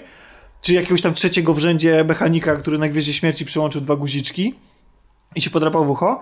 Tylko teraz jest to zrobione w sposób, i tutaj się zgodzę, że, że z punktu widzenia istnienia to jest zrobione, podejrzewam, w ten sposób, że po prostu w ten sposób się więcej zarobi na tym wszystkim, ale to nie zmienia faktu, że filmy są tylko jednym z bardzo wielu elementów tej marki. To znaczy, że żeby one są właściwie ilustracją do tego świata. One są po to, żeby nam pokazać tych bohaterów, jak oni wyglądają, pokazać ich najważniejsze fragmenty z życia, typu śmierć, tak jak w przypadku Snowka. Natomiast, natomiast cały kontekst one traktują to uniwersum jako całość. Znaczy, że żeby zrozumieć, kim jest Fazma i się nią za, zajarać... Czyli, żeby, czyli jeśli mam oczekiwania, że jeśli chcę iść do kina i zrozumieć to uniwersum i zrozumieć wszystko, to e, i dostać wszystko, to, Mhm. Musisz to czytać- tak nie będzie. musisz czytać, grać... Wymagająca po prostu. Znaczy, tak słuchajcie, nigdy nie było. ja generalnie nie mam problemu z tym, że mi książka dopowiada, czy, czy gra, czy jakiś serial, że dopowiada mi coś dodatkowego, tak, że daje mi ciekawostki, ale w momencie, kiedy to dotyczy jakby głównej linii fabularnej, to tu już mam trochę z tym problem, że, że, że film mnie zmusza do No tego, tak, bo ale ja, tylko, że, tylko, że film ci teraz wiesz, pokazał, tylko... że Snoke był kompletnie bez znaczenia. Tak, Bo to jest znaczy, opowieść no, o był Kylo Renie, który się buntuje, a nie o, a nie o. Snoke'u. Okej, ale z drugiej strony film ci zajawia w poprzedniej części, że Snoke może być istotną postacią, tak? Więc ja rozumiem, bo ja, ja jestem na przykład tym rozczarowana ja rozumiem, dlaczego ludzie są tym rozczarowani i tak samo rozumiem, dlaczego inni mogą mieć na to wywalone i mogą twierdzić, a dobra, bo to był Snoke, w sumie on był nieistotny, bo to był tylko, wiesz, to był tylko e, taki, właśnie, to, to on był dla Kylo Rena, a nie Kylo Ren dla niego, tak? No okej. Ale do mnie to nie trafia, mnie to nie przekonuje i, i jakby ja bym chciała widzieć więcej, bo ja z natury lubię wiedzieć więcej i nie lubię jak mi się ucina po prostu takie, takie postaci, jak mi się ucina takie wątki tak po prostu i to jest to, co mnie irytowało w każdej części Gwiezdnych Wojen i co mnie irytuje w każdym filmie. Więc to nie jest tak, że to jest jakieś coś, co oni robią jako pierwsi, Ale bo mówicie, robi to że- wiele innych filmów. Przepraszam. E, No już Mówicie, skończyłam. że ten film e, jest taki e, inny i taki prawie że rewolucyjny, ale sam, ale, ale sam, Ja się zgadzam. Tomek, ale sam przed chwilą powiedziałeś, że ten Snoke był taką, a nie inną figurą i że miał się zbuntować Kylo Ren. No to jest też powtórzenie jakichś schematów, No czyli tak. jest zachowana ciągłość, On- tak jak to w on- baśniach on bywa, czerpie- no powtarza się on historia. czerpie, ale nie robi tego w taki sposób, w jaki ludzie są przyzwyczajeni, że będzie robił, bo on bierze na przykład generalnie kwestia pochodzenia i determinizmu związka, związanego z tym, y, z pochodzeniem, czyli jak jesteś potężną postacią, to znaczy, że musisz mieć potężnych rodziców i ty w związku z tym masz ważną rolę do wypełnienia w historii uniwersum. To są rzeczy, które cechowały poprzednie części.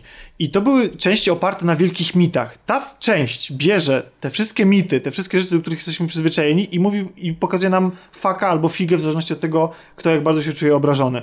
Bo z, zrobienie... Ale jest też motyw baśniowy, klasyczno-baśniowy, gdzie, tak, gdzie ale- każdy, nie wiem, jakiś pasterz może zostać królem, kiedy No dokona właśnie. jakichś wielkich rzeczy. No i właśnie, i to tak jest taka, Rey. i to jest jakby te wszystkie obietnice i cała, cała ta magia Gwiezdnych Wojen, która przyciągała całe pokolenia do siebie przez lata, zostały złożone na ołtarzu wymowy drugiej, y, czyli drugiej, przepraszam, drugiej części Disneyowej, czyli, czyli y, ósmej części filmu, bo ta część jest przede wszystkim właśnie o tym buncie, o tym, zresztą to wielokrotnie się w filmie pojawia i przewija, o tym zerwaniu z przeszłością. wprost nam niektóre postacie mówią, że tak patologicznie wykładają Tak, na... to takie meta jest trochę, nie? Że I to, co ten film robi bardzo e, ciekawie moim zdaniem, niezależnie, niezależnie od tego, jak bardzo można być na nim zawiedzonym i, i, będąc fanem, no to on bierze te wszystkie tropy, te wątki, te archetypy, te figury znane z Gwiezdnych Wojen, te oczekiwania fanów, widzów wobec e, tego filmu i w jakiś sposób je ucina, zmienia, zaskakuje nas nimi, nawet wyśmiewa w niektórych momentach. I zabolało cię serce. No zabolało mnie serce, no bo z jednej strony jestem tym człowiekiem, który oglądał epizod siódmy i się nim zachwycił i, chciałbym wiedzieć, co jest dalej, no i dlatego jestem taki no, rozdarty, no. No ale właśnie, ale myślisz, że e, jeśli to rzeczywiście było wszystko świadomy zabieg, e, to z drugiej strony twórcy wiedzieli, że narażą się na hejt fanów, a hejt fanów jest bardzo niebezpieczną sprawą. On to nie mówi, on, on tego nie robi moim zdaniem po to, żeby wkurzyć fanów, tylko to jest po to, żeby wesprzeć tą taką ogólną wymowę tego filmu, że, że ten film jest taki samoświadomy, że on wie, czym Gwiezdne Wojny są dla popkultury, że on wie, czym Gwiezdne Wojny są dla fanów i on bierze i, i robi z tego właśnie taką metanarrację. Robi z tego zawodu fanów jakby y, element wspierający wymowę, wymowę filmu mówiący o tym, że trzeba porzucić y, ograniczającą nas przeszłość, że y, trzeba starać się rozwijać, e, trzeba ją zabić, tą przeszłość, jeśli istnieje taka potrzeba. No i trzeba też na nią uważnie spojrzeć, dostrzec na tych kryształowych posągach e, herosów i legend z przeszłości pewne rysy. No i to czyni ten film ciekawszym, jako film po prostu, bo to sprawia, że te wszystkie legendy i figury i posągi nagle ożywają i stają się takimi prawdziwymi ludźmi. I wydaje mi się, że to można potraktować też jako pewną taką odwagę ze strony Disneya i producentów, że, że oni się na coś takiego zdobywają. I to jest ciekawe z punktu widzenia kogoś, kto się interesuje e, kinematografią, filmem, kulturą, popkulturą. I, I to jest interesujące i to moim zdaniem stoi za wysokimi ocenami tego filmu, jeśli chodzi o krytyków. Natomiast no, z drugiej strony, no, ja jestem, ja prawdę mówiąc jestem totalnie rozdarty. Kochałem epizod siódmy. Ja chciałem, żeby Rey była nie wiem, córką. Mi, mi się marzyło, ja miałem taką teorię, że Rey jest córką Obi-Wana i że ona jest wielkim zagrożeniem dla galaktyki to ona wymordowała całą szkołę Luka Skywalkera, a, a Kylo Ren przechodzi na ciemną stronę mocy jako taki Conan Valenrod i dlatego się poświęca zabijając własnego ojca, żeby być A wiecie, co ja myślałam? Ja bym chciała, żeby tak było, ja jestem wielką fanką Tomka teorii. W tym z kolei, jak zaczęłam oglądać ten film i podczas sceny w tym e, ze Snowkiem i w tym czerwonym pomieszczeniu, ja miałam nadzieję, że Kylo Ren przejdzie teraz na dobrą stronę mocy, a Rey na ciemną stronę mocy. Też Naprawdę chciałam, podejrzenie. chciałam, żeby ale- tak było. No więc to, co teraz właśnie powiedziałaś, Kasiu, o tej śmierci i w ogóle o całej, o całej tej scenie w sali tronowej, która właściwie jest taką ku- kulminacją tego całego wątku Kylo i Ren, y, To w- i Rey. To, e, Kylo i Ren.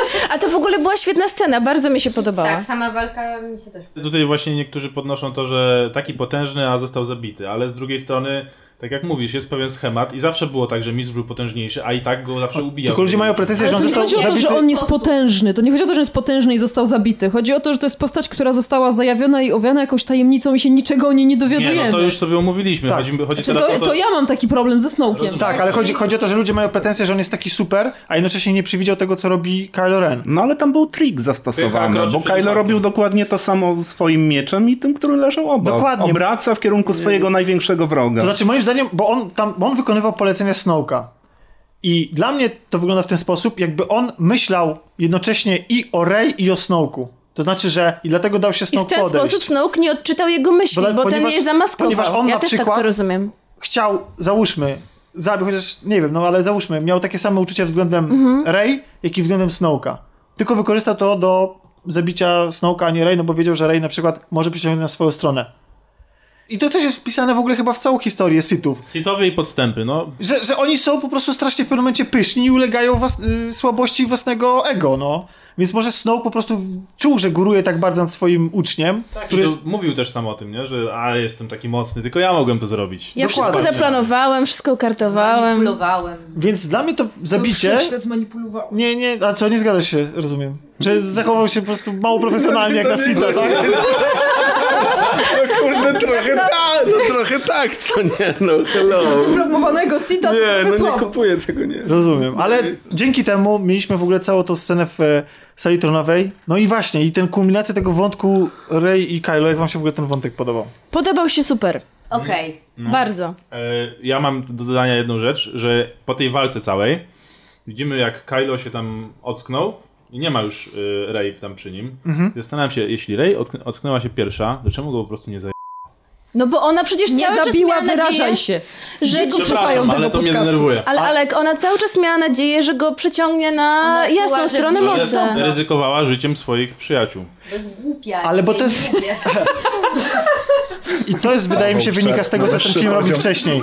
Czyli cały, cały ten wątek relacji pomiędzy Kylo i Rey jest po pierwsze bardzo zaskakujący. Kompletnie się nie spodziewałem, że to zostanie w ten sposób zrobione, że oni się nagle połączą i będą ze sobą mogli rozmawiać. był ciekawy Takie pomysł. Jedi, było fajne. Jedi nocne rozmowy. To mi się podobało akurat. Tylko po co ta scena z gołą klatą Kylo Rena? Boże, O po Jezu, co? tak, po co to ta było scena? takie kiepskie. To dla fanek. Ubierzcie, załóż coś na siebie. To To wiecie co? pierwszy komentarz. Ale Adam Driver nie jest e, chyba Ray takim też chyba, nie? w którym Nie, ktokolwiek nie, ona mógłby się to kochać. Czy nie jest takim aktorem, w którym ktokolwiek chyba mógłby się kochać. A poza tym, no, no przepraszam, Znaczy, ja on tam nie był bez majtek. Czy są ważniejsze wątki niż klata Kylo Rena? Nie, nie są. Moim zdaniem, moim zdaniem to jest... Moim zdaniem to jest po pierwsze, żeby podkreślić jego większą BDS-owość, tak? Że on jest więksi, wielkim hardcorem niż to było, czyli większym zabijaką niż to było Ale miał tam okropne części. spodnie i wyglądał strasznie. Ale wiesz, chodzi o to, że widzisz tą przypakowaną klatę, widzisz, że to już nie jest taki cienias jak, jak w jedynce. Poza tym on wygląda tutaj dużo bardziej groźnie, tak mam Nie, wrażenie. wyrok- Między Przecież nie- jedynką nie i dwójką przypakował. Zastraszonym młodzikiem jak w tamtej części. I ten motyw, kiedy mu każe zdjąć maskę Snoke na początku i on tą maskę niszczy w windzie. Nie musi za nią chować, Nie musi się za nią chować, jest naprawdę człowiekiem. Spoko. y, sto, sto, I nawet potem, jak mu tą bliznę operują, to i tak po prostu wierzymy, że on, że to jest człowiek y, groźniejszy niż ten, który Ale był w w pierwszej się części. W pierwszej części, w epizodzie siódmym. Tak, w siódemce generalnie ja uważam, że on jest właśnie ciekawą postacią i ma potencjał, pomimo, że czasem był taką smutną p***ą, Właśnie umówmy wszyscy się. śmiali się, że był Ale emo. ja jak Ej, konto na szansę- Twitterze Emo Kylo Ren to jest najlepsze Świetne. konto na Twitterze w Tak. historii. Jak tego nie znacie, to sobie obczajcie, bo to jest po prostu hit sezonu i on pięknie też komentuje wydarzenia z ostatniego filmu na tym Twitterze. Nie wiem, kto go prowadzi, ale powinien dostać nagrodę za to. Na Emo Kylo Ren. Ale I jeszcze- właśnie do- jeszcze jest Sad Luke Skywalker, to też jest bardzo dobre Tak. konto na Twitterze. do Kylo Rena, że na przykład właśnie podoba mi się on generalnie w tej nowej sadze, tak? W tej trylogii nowej. E, więc to jest jakby plus tego. I tak samo teraz mi się podobało, jak też myślałam, że inaczej jednak ten wątek zostanie pociągnięty, że on jednak się ugnie, że już po tym jak właśnie zgładził Snowka to, że przejdzie na jasną stronę mocy, ale nie. Więc... I To po jest- tym, że tak naprawdę e, oszczędził swoją matkę, no bo też była taka scena, w której on Tak, celuje tak, tak. naprawdę do tego No tak, statku. bo manipulował nim Snoke i on wtedy jeszcze był słaby, a potem przestał nim manipulować. Znaczy, ja też lubię postać Kylo Rena i uważam, że to jest najciekawsza postać z tej nowej sagi i... Znaczy w ogóle ja mam wrażenie, że to jest najbardziej zniuansowana postać E, a poza tym- Mamy wszystkich I części, ludzie, ludzie zarzucają Kylo no. Renowi, że on jest w tej części zły, bo jest zły, że, że jemu jest zabrana motywacja. Moim zdaniem to Nie, ma o wiele lepszą motywację niż miał Anakin Skywalker, żeby przejść na Oczywiście. stację Anakin Darthem Skywalker Vaderem. nie lubił piasku. Ale jaka, ale Nie, no miał, miał ten wyimaginowany Nie no, ale sen jaka- o umierający Padme. Jaka nie? w nim jest wściekłość i determinacja. Właśnie moim zdaniem ma motywację. A poza tym uważam, że z głównej obsady jest najlepiej zagrany. Naprawdę świetnie. To znaczy, wiesz, no on przede wszystkim został w cudzysłowie zdradzony Tak, tak. przez swojego mistrza. Tak, i to był też ciekawy generalnie. Ale fajny jest tragizm tej w ogóle całej sytuacji, że to ani jedna strona, ani druga nie ma do końca racji. Każdy Że- ma swoją. Tak, że, że z obu, obu stron można na to spojrzeć, ale, ale faktycznie jest to E, uzasadnione. I to, Zwłaszcza Alek, to- zgadzam się z tobą. Jest to fajnie pokazane w scenie, kiedy... Przepraszam, W Tomek. retrospekcji. E, nie, no mi się to... E, a propos, że żadna strona nie jest dobra, jest to po, e, pokazane w scenie z Benicio del Toro, który pokazuje, że handlarz bronią Tak sprzedaje A, e, to broń swoją i drogą, tak. dobrym, w cudzysłowie, i złym. E, I to jest właściwie pierwszy do, do, taki do, moment... Do wątku jeszcze sobie przejdziemy. Pierwszy taki moment, który moim zdaniem w tej sadze, nie jestem specjalistką, w którym dowiadujemy się, że to nie jest takie czarno-białe Wiesz co, już wszystko. wcześniej, Nie, no, Rogue Lux, One przecież, jeżeli No ale Rogue One traktujemy jako coś z Cassian boku. Andor zabijał informatora, to ale wiesz wiadomo, co, że ma, jest mamy, też, dosyć. e, mamy też tekst Luka, który na wyspie mówi do Rey, przyznaje, że Jedi popełniają masę błędów i że nie byli wcale tacy kryształowi i ich ocena, ich działania nie była taka super. Więc tak, więc te, tak, ten film y, ma te odcienie szarości, ale w ogóle ta, rozwiązanie tej sytuacji, dlaczego Kylo Ren się obróci przeciwko swojemu mistrzowi, no tak jak tutaj Basia powiedziała, to jest mi się strasznie to spodobało. To jest nawet lepsze niż jakakolwiek teoria, którą ja wymyśliłem. Naprawdę. Bardzo mi się podoba. Co prawda, nie podoba mi się to, w jaki sposób to zostało sportretowane. Uważam, że... W jaki sposób co zostało No właśnie cała ta, cała ta sytuacja, y, moment, moment, w którym Luke Skywalker y, chce zabić swojego ucznia i później się jednak waha i tak dalej, to wszystko jest takie jakieś teatralne y, i bardzo takie skrótowe jeszcze w retrospekcji. Rzeczy, które się odbywają w retrospekcjach w filmach, moim zdaniem, mają mniejszą wartość i e- emocjonalne oddziaływanie niż rzeczy, które widzimy na żywo. Można było na przykład zacząć ten, w ogóle tą, tą część od, od tych wydarzeń, po prostu, w sensie takim, że się, że widzimy jakiś ciąg przyczynowo-skutkowy, a nie czyjeś po prostu flashbacki z przeszłości na kilka sekund. Nie podobało mi się to, aczkolwiek samo rozwiązanie moim zdaniem jest bardzo fajne. I, i to usprawiedliwia, czy usprawiedliwia, pozwala wytłumaczyć i zrozumieć Kylo Rena, Tak, że to tak naprawdę Luke jest jego twórcą. Tak. Więc to jest... i też pozwala I zrozumieć zrozumieć też Luka. i jego decyzję, że chce się wycofać, że chce porzucić bycie Jedi i że się zaszywa na jakiejś e, odległej planecie. Bardzo mi się podobała też jego relacja z Rey. W ogóle cały ten motyw, że on rezygnuje z uczenia jej, bo jest właśnie tym wycofanym Jedi. Potem jednak się w jakiś sposób przekonuje, natomiast podobało mi się to, że on e, cały czas próbuje podkopać ją wiarę, jej wiarę w to, że Jedi cokolwiek znaczą. Jakby jest totalnie zawiedzionym, e, zdruzgotanym człowiekiem, który sam siebie zawiódł i ludzkość. A przecież był bohaterem w oczach, w oczach ludzi, jest ikoną. Fantastyczne też e, wpisuje się to w wymowę tego, że wiecie, no, że legendy upadają i że ta przeszłość jest w legendach jest super, a rzeczywistość jest rzeczywistością. Że To teraz powiem coś, co w tak- takim razie ci się nie spodoba, bo właśnie nie podobało mi się, że ten wątek, jego wahania i jego oczekiwania na jego decyzję był zbyt przeciągnięty moim zdaniem, tylko po to, żeby dojść dramatyzmu, żeby te historie się toczyły e, równolegle i żeby to się wydarzyło w ostatniej chwili. Tak jak zwykle w filmach, No tak. e, po prostu... Mm, były takie momenty, kiedy już byłam tym zniecierpliwiona i właśnie to mi przypomniało się. ostatnią część Władcy Pierścieni, e, mm, głównie książkę, bo pamiętam, że to było tak, że byłam tak ciekawa tego, co się dzieje na gruncie wojny, że wątek między samym i Frodo już szybko przekartkowywałam, żeby wiedzieć, co będzie się działo w tej drugiej części, w tej takiej bardziej epickiej. E, I tutaj to było właśnie przeciągane tylko po to, żeby utrzymać ten punkt, że to się stanie w ostatniej chwili i, i to mnie już Tomu projekcie się irytowało. podobała cała sekwencja wyspy i to, co się tam działo. Mm, To zależy. Pomijając żarty oczywiście. Samo... A, to nie, to nie mam nic do powiedzenia w takim razie. No co ty, nie podoba ci się sekwencja powiedzmy snu Rey? Ta, w której ona, ta cała z lustrem, gdzie ona jest pomnożona i w ogóle dowiadywanie Nie, się to o... jeżeli e, chodzi o, o stronę techniczną, to tak, to mi się bardzo podobało, jeżeli najpierw jest e, w synchronie, później le, z lekkim przesunięciem e, ta cała sekwencja i to, do, do czego ona prowadzi, albo ostatecznie do czego nie, nie prowadzi, czyli do wyjaśnienia tajemnicy jej rodziców. Jeżeli chodzi o samą część filmu, która dzieje się na wyspie, akurat co do tego nie mam jakichś bardzo wyraźnych e, odczuć, że tak powiedzieć. Ona jest, ja się zgodzę z Kasią, ona jest przy drugim oglądaniu, ja ją drugi oglądałem na drugim seansie, ona mija zdecydowanie szybciej i mało tego, y, ona jest bardzo zniuansowana. Chociaż za pierwszym razem jak oglądałem, to miałem wrażenie, że oni kręcą się w kółko. Słuchaj, bo jest Kylo Ren i on zagraża galaktyce, może byś przyszedł na pomoc? Nie, nie chcę. E, Słuchaj, wiesz co, nie wiem, czy, ci, czy y, kojarzysz, ale Czy już ci mówiłam, mówiłam? Czy już ci mówiłam, ale jest Kylo Ren i on zagraża galaktyce, może byś nam pomóc? Bum. Panie Luke, bo jest taka sprawa i, i jest Kylo Ren i on zagraża gal- galaktyce. Dobra, nauczę cię trzech rzeczy. No więc, y, więc y, to się wydaje za pierwszym razem faktycznie, jak oglądamy, że jest się w kółko. Natomiast za drugim razem, kiedy się można, kiedy już się pozbędziemy tego szoku związanym z tymi elementami humorystycznymi i tak dalej, to możemy wyczuć tam jednak pewne zniuansowanie i wiemy, ja wiem czemu to służyło, ale zgadzam się, jest to sekwencja za długa. I Czemu to służy? Czemu to służyło? należy pokazać, dlaczego Luke zrezygnował z bycia Jedi, dlaczego się e, zaszył na tej wyspie. Później mamy jego nauki dotyczące tego, czym jest moc i, i krytyka wobec e, samych Jedi.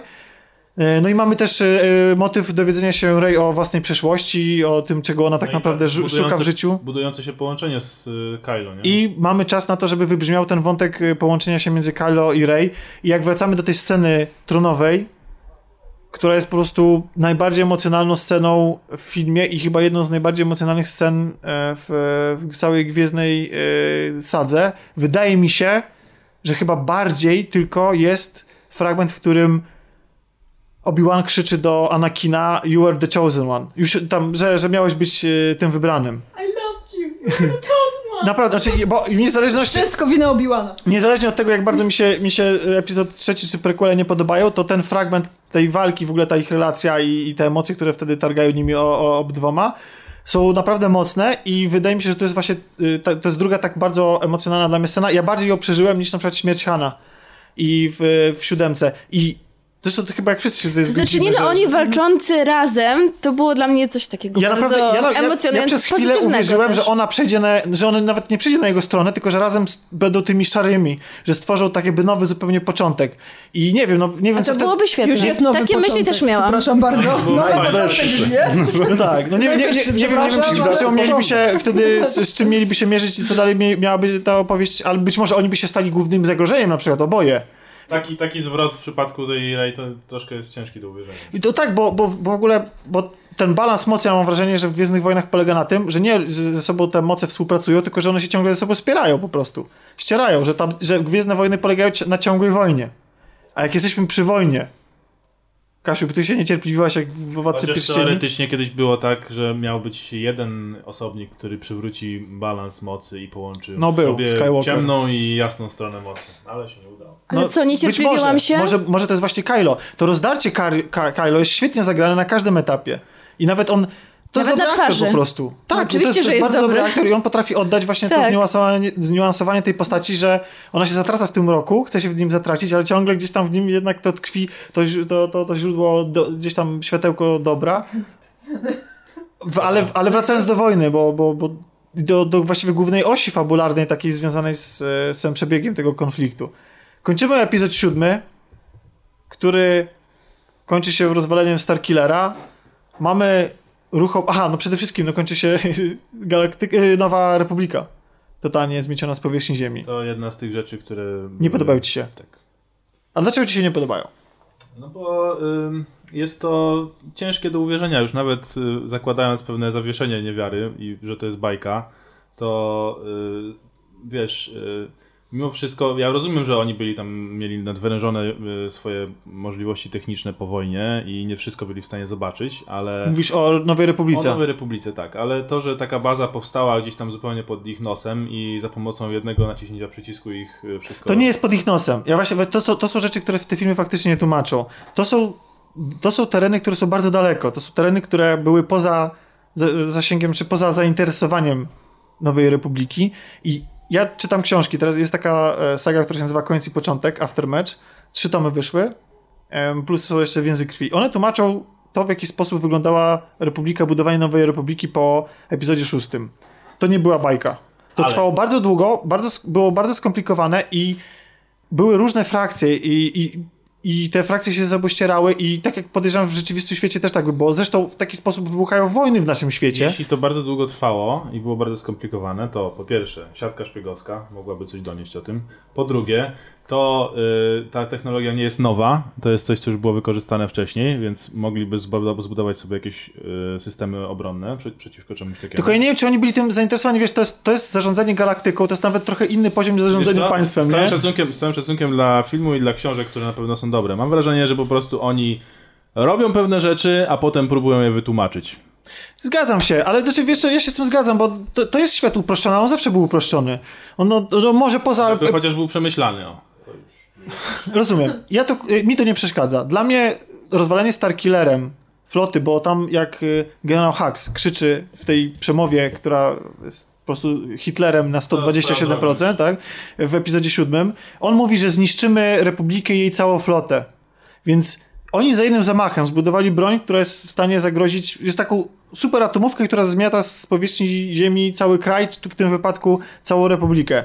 Więc oni zniszczyli tam kilka planet naraz, w tym, w tym stolicę, całe zaplecze, podejrzewam, że całą infrastrukturę, e, a i administrację, przecież ktoś musi tym zarządzać. I jeżeli zostały inne systemy i inne planety, które były w Republice, to one w tej chwili przechodzą nie wiem, dla mnie to jest, one wpadają w chaos. Ja osobiście to kupuję. Dla mnie z, y, miecienie z powierzchni Ziemi Republiki za pomocą jednego jest wygodnym zabiegiem fabularnym, bardzo. Bardzo. Bo się cofamy faktycznie w rozwoju i mamy kolejny raz powtórkę sytuacji z epizodu czwartego, gdzie mamy wielkie imperium i, i skromny ruch oporu, który jest tutaj, wydaje mi się tutaj naprawdę malutki, chyba zawężony do jakiejś takiej skromnej Podobno garstki są, ludzi. podobno są jeszcze na innych planetach jacyś, więc to nie są wszyscy. No tak, bo tam oni się mówią, że, że się łączą ze swoimi ludźmi tam Sojusznikami. Spoza, tak, spoza, Nie zostało ich kilkunastu na szczęście. no tak, ale ten, ten core tego, to, to źródło tego, to, ten, ten trzon, ta szpica ruchu oporu w postaci Lei i innych bohaterów i pilotów jest, jest, jest bardzo... A może a propos Lei przy okazji.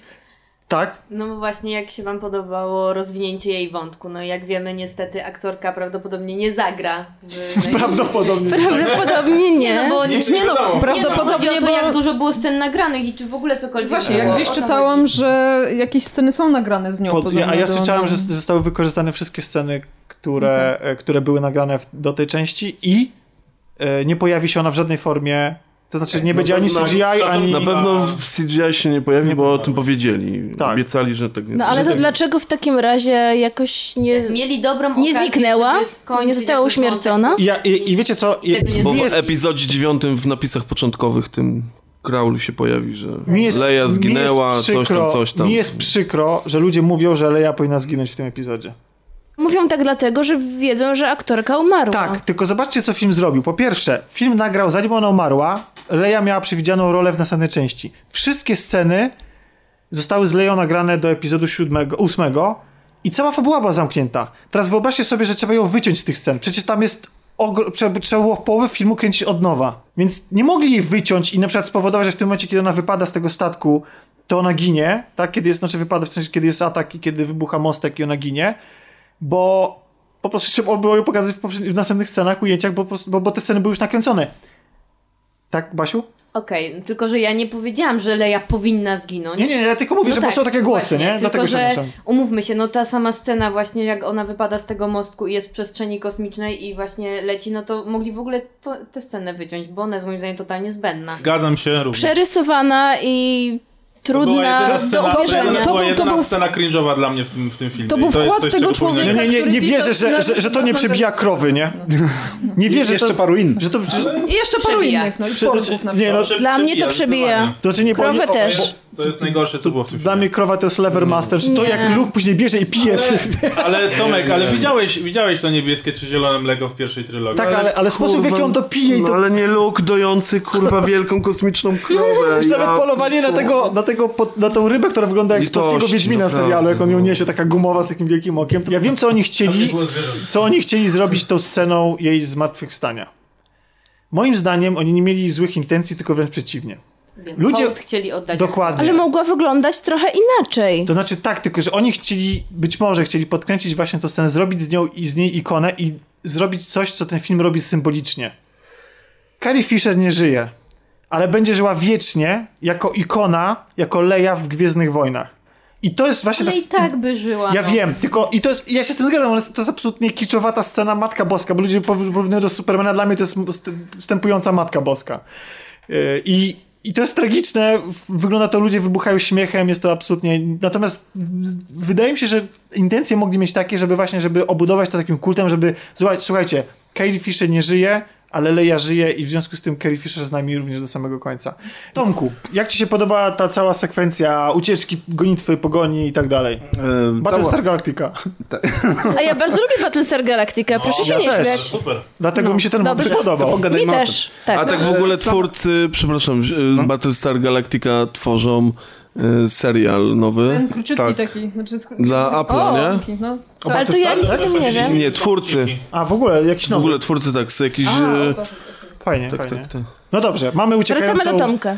Chociaż e, ostatecznie ten cały wątek okazał się, że mm, posiada jakieś uzasadnienie, prawda, że to jest plan tak zwany, e, to wydawało mi się to dosyć e, absurdalne w swoich założeniach. Cała sytuacja wymusiła niejako ograniczenie lokacji, liczby lokacji, w których dzieje się akcja, a dodatkowo powodowała znowu pewne... Jakie nie- ograniczenie, człowieku? Nielogiczności. latali sobie z tego konwoju Właśnie ucieczki, to- gdzie chcieli. O to chodzi, że można sobie latać e, w te i we w te i dlaczego nikt nie wpadł na pomysł, żeby na przykład to od przodu skoczyć i od przodu lecieć Tak, na to, to jest argument, który często się pojawia. Tak, ja się zgadzam, że z punktu widzenia logiki to jest może trochę absurdalne. Ja się też spotkałem, e, to nie jest mój zarzut, bo ja na to nie wpadłem, ale e, spotkałem się w internecie z, taką, e, z takim zarzutem, że skoro można rozwalać obce statki w tej nadprzestrzeni, tak? To jest dobrze to zrozumiałem? Że Także W skoku, w skoku. tak? tak, to skoro po drodze tracą dwa statki ze względu na to, że im się paliwo kończy, to nie mogli poświęcić tych statków w taki sam sposób, jak wcześniej e, zniszczyli... em, No bo na to nie wpadli No wcześniej. potrzeba Nie materiału. zadajesz to jest po tym, to jest po tym. Właśnie ten skok, który Nie no, w wykonany- czasie, wiesz, nie wpadli, bo ja... Wiesz, ona na koniec wpadła na pomysł. Hmm, Może rozwalę ich w Skoro ten i tak sposób. zginąć, nie? No. Chciała umrzeć O to. bohaterską Ale śmiercią. po drodze stracą w ten sam sposób dwa statki. Tak, ale powinni byli to zrobić wcześniej, ja się zgadzam. No tak, Nie, no tak. jasne, nie? No, E, ale jak jesteśmy przy wojnie, to chciałam was zapytać, Ale bo... to było samo w sobie, to było mega zajebiste, co to nie? No, wygląda- to wyglądało to po prostu poezja, no. Chodzi ci o obrazek? No tak. No, I ten dźwięk. No, no to wszystko było po prostu, o właśnie. Znaczy właściwie to brak Tak, tak, dźwięku, tak. E, Mi bo też się jest podobało, jeżeli ktoś jest kilka sekund jest. E, chciałam was zapytać, jak jesteśmy przy wątku wojennym, e, bo nic o tym nie wspomnieliśmy, jak z kolei podoba wam się wątek Poe, on się chyba nazywa? Ten pilot. Poe. E, Bo na przykład też rozmawiałam z Piotrkiem i jemu bardzo, e, jem, jemu się podobał ten wątek w ogóle najbardziej z całego filmu. W sensie kształtowanie tego bohatera na nowego przywódcę i tego jak z takiego kolesia myślącego, bardzo, bardzo emocjonalnego i takiego... Mm, Kowboja. Kowboja, tak, cyngle, mieszczącego cynglem z pustem, zamienia się na dość osobę, która podejmuje racjonalne decyzje. Jak na Ja, przykład? ja na No właśnie, to mnie Ale Leja Nie go no. namaściła tam na Nie no, na koniec właśnie już jest namaszczony. Ale no namaszczony, ale to jeszcze nie znaczy, że się... Nie było Właśnie. On, on, on, się, on, nie, nie miał dobrych. on się nie wykazuje Nie no, na koniec trochę już się zmienia. Już nie jest taki emocjonalny. Nie, Nie no, lista bohaterów akurat była na tyle bogata i każdemu należało coś dać do robienia. Ale- on po prostu a- według ale- mnie był w tym filmie, bo on jeszcze jest jakąś No, postacią tak w miarę ugruntowaną w tym uniwersum. Ma swoją serię komiksową nawet. Jest w tym Ma swojego rozszerzonym BB-8. uniwersum właśnie e, opowiadane jego historie. W związku z tym w tym filmie musiał być i musiał coś robić i dostał taki wątek, Ale że jest co, trzymany ale- w ciemności, Ale nikt mu nie mówi, co, co no, się no dzieje. to nie jest tak, bo, bo moim zdaniem to jest bardzo ważny wątek i on się wpisuje w ogólną wymowę filmu, bo ten film oprócz tego, że traktuje o przeszłości, to jeszcze opowiada nam o wojnie Buncie. jako takiej. I on opowiada o, no, o buncie też, bo raz, że, że mam tutaj ten bunt, ten bunt głupi, tak, bo on się ym, buntuje przeciwko jak się nazywa e, kapitan Admirał Holdo. Haldo. tak. Haldo. Haldo. Haldo. I on się prze, przeciwko niej buntuje. Lu, ludzie spotkają się z zastrzeżeniami, że jest to wątek prowadzony idiotycznie, ponieważ gdyby ona mu wytłumaczyła, jaki jest plan Lei i jej, tak, to by to, on, to do tego Nie, nie buntu by nie mu doszło. tłumaczyć, on był jej podwładny, a poza tym zachował się... To znaczy nie. I on też Dla, mnie, nie... dla mnie to jest absolutnie nie do uwierzenia, że to No i się ale, tak ale on też nie był takim typowym tam rzemieślnikiem. To znaczy tak, on został zdegradowany. Ona chciała pokazać mu, że ona jest szefową i nie musi mu nic mówić, że ona... To jest armia, no. To jest osoba, która, przeszłości, której nie znamy oczywiście, bo nie czytaliśmy książek, e, ale, Gdybyśmy ale, on, ale on się odwołuje do jakiejś, jakiejś jej bohaterskiej akcji w przeszłości. Ona swój plan przedstawia i on natychmiast jest w kontrze. On ma już kontrargument, kontrpropozycję. Ona mu mówi spokojnie, wszystko będzie dobrze. konie. Tak, wykonuj rozkazy, co prawdę mówiąc wydaje mi się dosyć okej, bo to jest po prostu żołnierz. Natomiast on został nawet zdegradowany. Ona być może, nie wiem, miała mu temperować na prośbę Lei, Nie ma nosa. zaufania na pewno też do niego. Nie, ona go, no, myślę, że jak Leja miała, to i ona ma. Tylko, okej, być może faktycznie, ona, bo ona tam mówi, że nie, oni nie potrzebują w tej chwili zbyt narwanych ludzi, którzy by mogli, wiecie, jakby poprzeć im jakieś plany, bo oni sobie coś tam wcześniej przygotowali. No i teraz, i teraz on na to odpowiada w sposób bardzo impulsywny i wyzywa ją od tchórzy i od zdrajcy. I ona się po prostu. Po prostu zwyczajnie, bo ona przy wszystkich nie może go potraktować No łagodnie. właśnie o to w sytuacji, chodzi. w której on się wdziera na mostek i mówi swojemu dowódcy, że jest, że jest tchórzem i zdrajcą. Ona musi pokazać mu, gdzie jest jego miejsce. I- I, i nie jest- będzie zdradzała mu planów. Ona jest Aczkolwiek przywódcą. jest to sytuacja, której ona powinna też przewidzieć, w takim razie, że skoro on jest do tego, że on, jest, że on może być do tego zdolny i to, są, to jest sytuacja, w której oni oboje zachowują się moim zdaniem skandalicznie. To jest, to jest też to, o czym, o czym ja mówiłam właśnie, że ja rozumiem, że Chain of Command i te sprawy, ale w sytuacji, ona wie jakim on jest człowiekiem, tak? Bo ona dokładnie y, o tym mówi, nawet jak z nim rozmawia.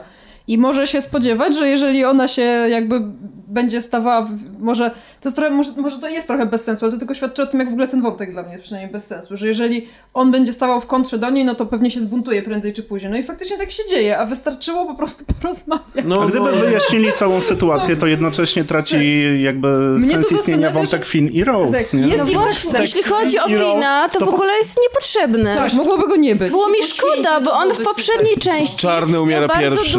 I ciekawą rolę.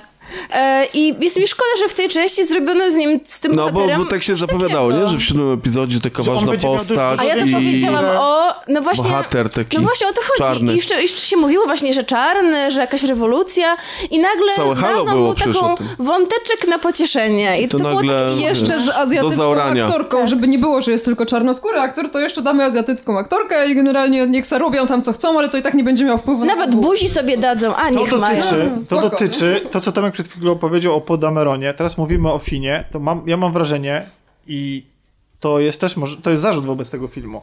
To jest film, który ma zdecydowanie za dużo wątków. Zde- Zdecydowanie za dużo rzeczy chce zrobić naraz. W związku z tym mam wrażenie, że ważniejsze są wydarzenia, mimo tego, że one wcale nie są takie super ważne, niż bohaterowie. To wszystko się rozmywa, przez co, bo wszystkie Gwiezdne Wojny, czy dobra, powiedzmy 4-6, to były Gwiezdne Wojny o grupce ludzi. To była grupka przyjaciół. E, Han, Luke, Leia, Wookie, koniec. Pojawiał się Lando na chwilę i tak dalej. To, było, to był trzon. Śledziliśmy przygody tej grupy ludzi, reszta była tłem. No i Darth Vader po drugiej stronie, ale, ale to, i tak, y, to i tak jakby byliśmy cały czas skupieni na bohaterach. To samo było w ep- epizodzie siódmym. Uważaliśmy wszystkich bohaterów, którzy, których śledziła kamera, za ważnych. Mieliśmy e. nie, no mówię A, siódmym. a, mówisz o tamtym tak, starym. e, mieliśmy Rey, mieliśmy Fina, mieliśmy Paul Damerona, który nawet chociaż był y, bardzo krótko na ekranie, to i tak miało, miało się wrażenie, że jest to ktoś ważny. A w tym wypadku, przez mnogość wątków i tych sytuacji, w których, które śledzimy, mam wrażenie, że po prostu każdy dostał swój kawałek filmu. I nawet jeśli najważniejszy zdecydowanie jest wątek Rey, Kylo i samego Skywalkera Luka, no to to jest, to jest najważniejszy wątek on się wybija. Postaci są te same, tylko bardziej chodzi ci o to, że po prostu musieli poszatko, poszatkować tą akcję pomiędzy różne lokalizacje. Tak, bo wtedy oni się trzymali razem, a teraz jest tak, że tego wszystkiego jest za dużo. I w ogóle cały ten wątek. Nie tylko chodzi o lokalizację, w ogóle to było tak jakby niepotrzebne. Znaczy, Znaczy, tak. to znaczy były ładne konio, koniopieski, to, to te zwierzątka Właśnie, były słodkie. ten No. motyw w kasynie podobał, bo i w ogóle samo kasyno jako miejsce. To był taki disneyowski Mi się bardzo nie wątek. podobało też. To- Znaczy, no, przygodowy. to Już bardziej kantyna ale- w siódmej części mi się No to jest podobała. przecież- To prawda ale była mogłoby- identyczna, jaką już znamy, tak? Ale tutaj to To jest ciekawostka, która kradnie bardzo dużo filmu. Tak. Odbiera właśnie uwagę od innych Tak. wątków, które powinny być Oni mogliby ważniejsze. polecieć gdzieś na jakąś planetę, wyrwać tego DJ-a z jakiegoś więzienia, szybko polecieć z powrotem i tyle. Mogli, mogliby to skrócić, to No, ja nie jakieś wiem. Pogonie, Oni w ogóle też w czasie pogoni tej wielkiej sobie wyskoczyli po prostu od tak, na jakąś inną planetę, haha, wrócili po kilku Weszli godzinach, ci nadal uciekają. Ka- Kasia powiedziała, Pojawiła się jeszcze komediowa postać tego takiego małego kolesia, który wrzucał w BB-8 te, te takie którą, monety. którą chyba zdaje się, że dubbingował, czy grał w ogóle Mark Hamill. Tak. Mhm. Tak. Tego gnomika, tak? Podobny. Znaczy, e, ja powiem tak. Gdyby to nie była sekwencja w Gwiezdnych Wojnach, tylko w jakimkolwiek innym filmie Disneya albo Marvela, to mi by się No podobało. bo to było takie disneyowskie To było właśnie. bardzo. Morał wyłożony kawa na ławę, taki ciepły. Te stworki I te o, o tych stworki, te dzie- twarzach. dzieci. E, cała ta. To w ogóle, w ogóle cała ta kasena wyglądała chyba bardziej trochę jak z filmów Luca Besson niż z, e, Tak, niż właśnie, nie, Gwiezdnych nie Wojen. umiałam tego nazwać, z czym mi się to kojarzy, ale faktycznie, to bardziej wyglądało właśnie jak, jak, z- jak z filmów BB-8 Bessona. tam się zachowuje całkiem. Cały ten motyw z tym wrzucaniem tych pieniędzy. Ludzie, ludzie na to rzekają, mi to nie przeszkadza, dla mnie to było ok, tylko to nie było z tego filmu. To w ogóle nie było potrzebne w tym filmie.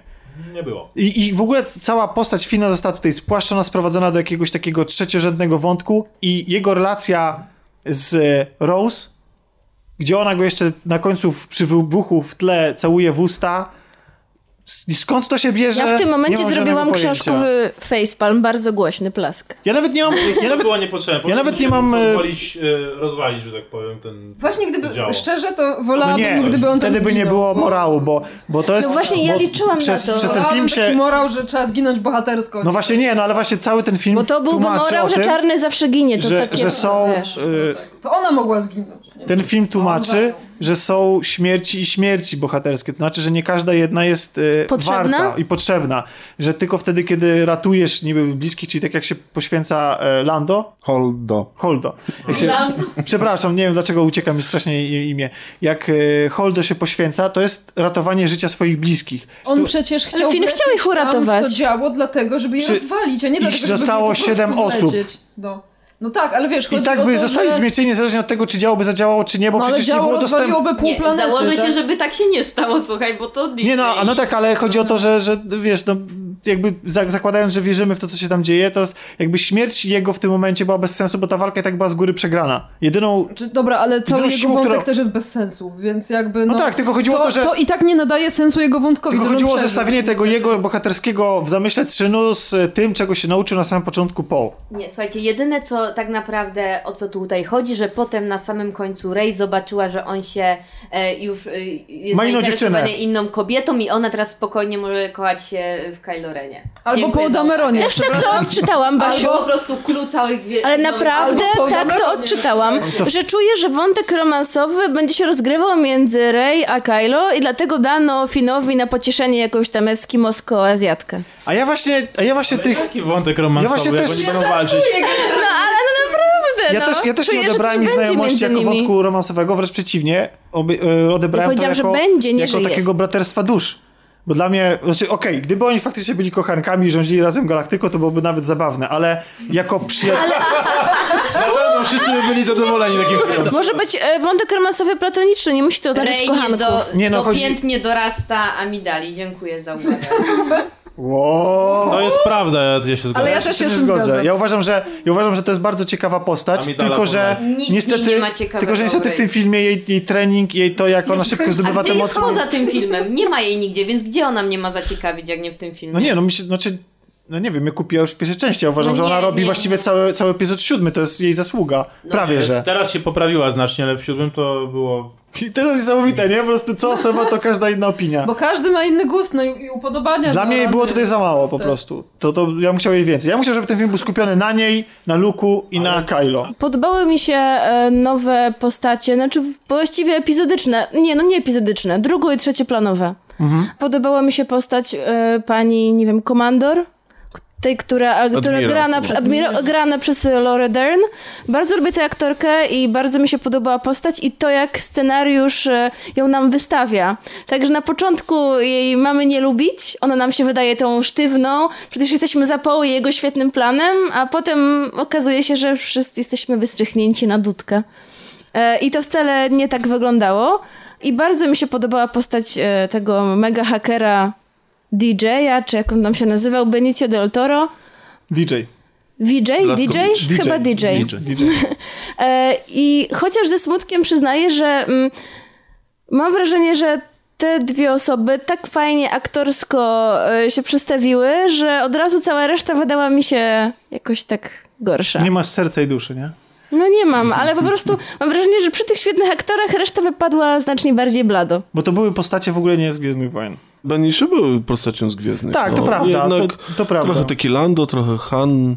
Mm, tak, to ki- Zawadiaka. Znaczy wiesz co, No, to, to, moim to zdaniem... admirał może nie, no moim bo w zdaniem ogóle właśnie- straszna i jest. Jeszcze o tej fazmie nie powiedzieliśmy. Właśnie. A, to jest też, to jest po prostu jakaś komedia z tą fazą. Po raz kolejny zresztą. A ja oprócz tego, że wiem, że Fazma istnieje w książkach, że tam jest rozwinięta jej postać, to już powiedzieliśmy sobie, że tak, moim zdaniem, można się z tym nie zgadzać, to mu się może nie podobać, tak? Ale tak jest, że w książkach wie, z książek wiemy więcej. Natomiast to ile jest jej tutaj, to mi wystarczy tak naprawdę. To jest No ale to mi to Nie jest w ogóle i nie ma, nie? No ale, ale wiesz co, ludzie, ludzie, ile było Boba Fetta w oryginalnej trylogii? A ludzie do tego dorobili, że to jest najbardziej kozacka postać w uniwersum, bo to jest człowiek, który jedyne co zrobił, to wypuścił linkę z dłoni i umarł. No ale to taka jest prawda. No, czyli Chciałam powiedzieć, że nasza to słuchaczka Ania. Rogala się obrazi. Tutaj Znaczy, bez wielką fanką pozdrawiamy Boby. oczywiście Anię i pozdrawiamy każdego, kogo obraziliśmy, bo przez to, że krytykujemy jakiś element Gwiezdnych Wojen, dla który, który jest dla niego bardzo ważny, ale no, dla mnie to wygląda w ten sposób, że to jest taka, taki nowy Boba Fett. To jest postać, która przez to, jak wygląda, jest jak, w jakiś tam sposób charyzmatyczna i oczywiście dała się podejść jak dziecko w epizodzie 7 i to mi się bardzo nie podobało. To w ogóle była se- sekwencja wyrwana z kosmosu, z innego filmu totalnie, kiedy tam Finy dorwali razem z Hanem. Natomiast, natomiast, natomiast tutaj jest większym BDS-em. No nie wiem, no No ale to, to może i tak, tylko, że oni, o, to, oni okłamali, bo oni obiecali fanom, że w, słuchajcie, w ósmym epizodzie będzie więcej fazmy. no było, to- ale nie było. Oko było. Znaczy ona wróci. Mrugała. Ona wróci. Każdy, kto spada w przepaść y, z Wraca. Powraca. płomieniami bo to wraca. jest też- Czyli śmieszne, ustaliliśmy, że biorąc- ona i Snoke wracają w kolejnej części, okej. Biorąc pod uwagę, jaką właśnie część z- marketingu e, No, zajmowała też ta Gwendolyn. Christie, tak, aktorka, którą ją gra. Myślę, że sporą. No właśnie, bardzo dużą. I, I- wtedy i teraz. I myślę, że, że, że I to jest wróci- przez to zakłócenie proporcji jest dosyć e, też śmieszne. Oczywiście, w ogóle to jest tak, że podobno, znaczy nie podobno, tylko w ogóle zostało nagrane 3 godziny film. Jest 3 godziny filmu tego. Czyli będzie wersja Nie będzie, Nie będzie, bo oni nie robią. Disney nie robi. Natomiast 40 A minut... kinowa ile trwa? 2.30. 2.30, więc pół godziny filmu zostało wywalone do kosza, bo reżyser stwierdził, Nie wiem, czy bym chciała. znaczy ja prawdę mówiąc to chciałbym się go pozbyć jeszcze więcej No. z tego. Więcej Właśnie. rozważającego luka? Nie. A 2.40. właśnie, Pytanie, pytanie, co wywalił? ale jak jesteśmy przy rozważającym Fazma. Cały, luku, cały, Wątek fazmy. cały wątek Fina, no to i masz 30 minut, no. Jak No czy nie, no wywaliłbym to, plus te wszystkie rzeczy dotyczące jego życia na wyspie, no. W sensie takim, te jego rozkminy dotyczące Plus życia, żarty, no to z, no, z 30 minut, godzina 50 jak Jakiego- znalazł, no. Jakiego życia na wyspie? No tego, że, który nam tłumaczy to, że on sobie poluje na ryby i pije mleko prosto od krowy, nie? A, no ale to była sekwencja na dwie minuty, no bez przesady. No, która zrujnowała prawie cały film. Tak. No hello. To jest, to jest sekwencja, która ogóle zniszczyła mi dzieciństwo generalnie- odnalezione dwa lata temu. Co wy tu macie do tej Ale nie, bo krowy? nie Właśnie nie nie zwróciłem na to uwagi za bardzo. wiem, też nie za bardzo. Chodzi o poziom żartu generalnie, bo ja mówię, całe Czyli Wojny żarty. są śmieszkowe. Jedziemy. Ale tutaj naprawdę, no szczerze wiem, że były takie kilka, gdzie się zaśmiałam, gdzie ten kącik ust mi się tak, tak wygiął i ha, okej. Ale generalnie, ale generalnie większość, no niestety byłam zażenowana, nie da się ukryć. Gdzie na przykład w Rogue One mi się podobał bardzo humor i jakby trafiał w moje gusta. Może faktycznie było go za dużo, ale jakby nie byłam zniesmaczona, a tutaj w większości byłam. Bo to był zupełnie inny humor. To A ja- no właśnie dlatego mi nie jak w epizodzie siódmym mieliśmy humor nowej przygody. On był bardzo mocno wpisany w postacie. Jak tutaj Paweł przed nagraniem powiedział, że on wynikał z sytuacji, nie? Że, że, że on jest... Że, Tak, on stary taki strasznie naturalny był, no. i chemii, on wynikał z chemii pomiędzy bohaterami. I on Po- nie był wymuszony, tak? No Paul i Finn No dobrze, ale ja Insta tutaj... bromans, który oni mieli na, na, na krążowniku, kiedy oni się spotykają i, i próbują razem uciec, kiedy jeden drugiego trochę oszukuje i tak dalej, rzuca tymi śmiesznymi żartami, to bardzo pasowało do tych postaci, bo wynikało z zakłopotania, takiej nieporadności trochę Fina i bycia kozakiem i takim śmieszkiem, Ale to też się takim nowym Indiana Jonesem czy Hanem Solo. klimat poprzednich filmów, a tutaj poszli Dokładnie. zupełnie Ale ja tutaj się nie śmiałam, rodzaj humoru. ale no. nie byłam zażenowana. Nie nie pamiętam jakichś żenujących dowcipów. Jedyna- Najgorszy Jaki był tam był żart? robi oczy jak kot ze Shreka. No Tak, to też. I w ogóle za dużo porgów. Jakie dużo, że- było że- ich 5 sekund. No. Nieprawda, Kasiu. Tak? Bo, Nie. widzisz, chodzi o to, że oni nie, że, że te porgi nie były wpisane w fabułę filmu i wynikały. One wyglądały w ten sposób, jakby ktoś wziął na montażu i je tak memy sobie porobił, No takie dobra, też YouTube'owe, podokleił. One po prostu się nagle pojawiały w kadrze i darły ryja. Albo, albo po prostu Tylko robiły były wielkie dwa razy oczy. na przykład w trakcie całego filmu, to okej, jeszcze bym to przeżyła. Ich jest ale pełno za i, dużo. i one nie mają żadnego znaczenia dla niczego. To, to nie są Iłoki, które są wpisane w fabułę i coś tam robią. Że one pomogły obalić Ale w ogóle to imperium, też tak? było... Sam mówiłeś, że wszystkie decyzje są finansowe, więc... Ale w ogóle... No ale, no ale wiesz, to, tylko że widzisz, tylko że. Okej, ja rozumiem, że są finansowe, ale, ale trzeba też umiejętnie wyprodukować ten produkt, tak? W sensie, a moim zdaniem to jest zrobione, wrzucone na siłę. Żenująca jest scena, kiedy Luke wyrzuca miecz. To jest scena, która obraża moim zdaniem wszystkich fanów Tak Gwiezdnych jest. Wojen. A To jest, nawet nie fanów, bo ja się też poczułam Ale Dlaczego to Znaczy, zrobić z tym to No, no ale no prawda, miecz ale- świetny wyrzucić to, to swój... jest, znaczy w taki Nie, sposób. nie. Ja rozumiem, że on się odwrócił od mocy. Ja wiem, Ja że, nie że odczułam tego jako żart. Gwiezdne Wojny były slapstickowe, były śmieszne, były mniej lub bardziej, bardziej żenujące, ale nigdy nie było tak, że w sytuacji, w której jest sytuacja największego napięcia, a to jest mega ważna sytuacja, to jest wręcz dla fanów to była bardzo przejmująca, dla fanów, którzy się przez lata przyjmowali tym uniwersum. Przecież Disney wie i reżyser też wie, za co się wziął. I dlatego właśnie mówię, że ten film jest taki buntowniczy i on zrywa z tym konserwatyzmem i jest taki bardzo rebeliancki i że jest odważny w tym. Luke bierze scena, która wymaga, nie wiem, jakiegoś takiej podniosłości i robi scenę jak z parodii. To jest, jakby to, był, jakby to była sekwencja z na, today, na e, Saturday e, Night Live. Polska. Dokładnie. To, y, to, totalna parodia tego fragmentu. Ja myślę, że to wyglądało w ten sposób. Wiecie, przez te dwa lata powstało masę memów, śmiesznych filmików. E, Swoją drogą polecam zmiksowanie filmu The Room z e, epizodem siódmym, w ogóle całymi Gwiezdnymi e, Wojnami. E, I powstało masę sekwencji, które e, masę rzeczy, obrazków, które parodiowały tą scenę. To wyglądało jak wyciągnięty jeden z tych żartów. Dla mnie to było mega żenujące i czułem się autentycznie obrażony. Uważam też, że scena z żelazkiem, gdyby była jedna taka, to znaczy gdyby nie było reszty tych żartów, byłaby nawet spo- Zabawna. zabawna Ile było jeszcze takich?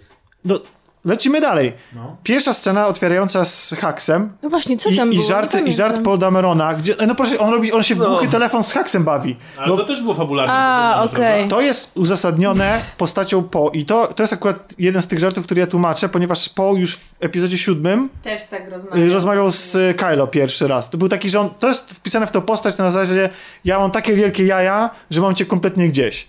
I jestem totalnym śmieszkiem. Okej, do potęgi dziesiątej podkręcony y, Han Solo. W porządku. Natomiast mamy scenę, która jest dla mnie obrazą dla kinematografii w ogóle, czyli scenę z dojeniem krowy. Ta, to jak ona siedzi, ta krowa, tak wiecie, na zasadzie takiej, no, takiej zblazowanej, wiecie... Bo ta krowa, jest, to jest ta samo- krowa jest metaforą dla Disneya, Tak, słuchajcie. tak. Właśnie Luke Skywalker to Disney, który przychodzi i doi te Star Warsy. To, to tak. To... I, To jest w ogóle ciekawe, że Luke y, oddalił się na jakąś samotną wyspę niezamieszkałą, a tu się nagle okazuje, że tam Jest mieszka tam- więcej istot niż kurwa w tych wszystkich kastynach. Przez zakonnicę. które, Ale te zakonnice były fajne. Nie, nie były no. fajne. No. To Gwiezdne Wojny odwołują się do naszej rzeczywistości i na przykład oglądając wczoraj epizod drugi zwróciłem uwagę na to, wcześniej to mi się nie rzuciło w uszy, że... E, Ósmy, ósmy. nie, epizod drugi. Dlatego, że, jako, że tam w epizodzie drugim, jak na przykład ląduje e, statek, który wygląda jakby był czterosilnikowy, to słychać, e, niby dźwięk jest taki, wiecie, e, gwiezdnowojenny, ale jednak e, słychać tam troszeczkę śmigła samolotu takiego klasycznego. Więc te wszystkie takie porównania do naszej rzeczywistości są oczywiste, typu, nie wiem, w Rogue One mamy tak naprawdę wojnę w Wietnamie, tak? Tylko tyle, że przeniesią w te realia. O tyle na przykład te zakonnice to nie wyglądają dla mnie jak strażniczki mocy, tylko wyglądają jak zakonnice Katolickie. katolickie. Prostu, no. I to mnie strasznie wybija. Nie, nie, bo to jest y, jakby. Ja rozumiem też taką pewną wymowę trochę antyreligijną tego filmu, tak? Że tam te spalić książki i tak dalej, jakieś stare wierzenia. Ja to, ja, ja to kumam. Natomiast no slapstickowe żarty, że one cudem uniknęły śmierci, bo Rey po prostu zwaliła kamień. Scena, w której ona się powinna nauczyć tej mocy i to jest bardzo ważne dla budowy tej postaci, ona jest jakby przełamana właśnie tą takim żenującym żartem z za- zakonnicami, które, na które się zwala kamień. Później mamy Fina, który się budzi ze śpiączki i idzie przez cały pokład z podziur- podziurawiony, yy, wiecie, ścieknącą wodą, tak, z tego jego kombinezonu. No, to jest seria tych żartów i haks. To ja też nie zrozumiałam tego Na fina jako Boga. żart. Szkoda Haxa. To znaczy- No z tego haksa zrobili faktycznie takiego... Strasznie co z niego zrobili, nie mogłam na niego patrzeć. Haks, Przerysowali bardzo po prostu. haks był Jeszcze dodali mu przerysowany ten akcent Hitlerem. niemiecki, no. To I to było uzasadnione w poprzednim epizodzie, bo dla mnie to e, First Order, najwyższy porządek, był dla mnie taką, wiecie, takimi cosplayerami trochę Imperium. I to było, dla mnie to było pokazane, lu, ludzie, którzy za bardzo są zafiksowani na punkcie przeszłości i chcą czemuś dorównać, w związku z tym są tak bardzo się starają, że są aż wręcz karykaturą tego. I to się wpisywało wymowę pierwszego filmu, znaczy pierwszego, epizodu siódmego. Natomiast tutaj hak został sprowadzony do szmacianej lalki, którą pomiata Kylo. Jest, jest, jest śmieszny i, i żałosny w tym A, wszystkim. Znaczy, No to- to faktycznie jest za, dużo, za bardzo jest y, taką postacią ym, humorystyczną, natomiast Wader też pomiatał swoimi dowódcami. Ale nie w Ale taki nie- nie- sposób. nie- to ale oni- był- oni nie wyglądali-. Ale on nie robił z nich żartu, nie? No. A oni to, to jest że, taka ścierka, no. że wszyscy tutaj grają na 128%, On nie? jest też wysoki rangą, tak? To nie jest jakiś tam randomowy żołnierzy, który się akurat, e, nie wiem, przechadzał e, Że w tej korytarzem chwili- i Nie, można Wader rzucić o ścianę. dowódców. Czyli wiecie, no to jest człowiek, który ma przyjąć po, e, w jego mniemaniu, po? Snowku, Snowku. ma przyjąć władzę nad całym e, najwyższym porządkiem.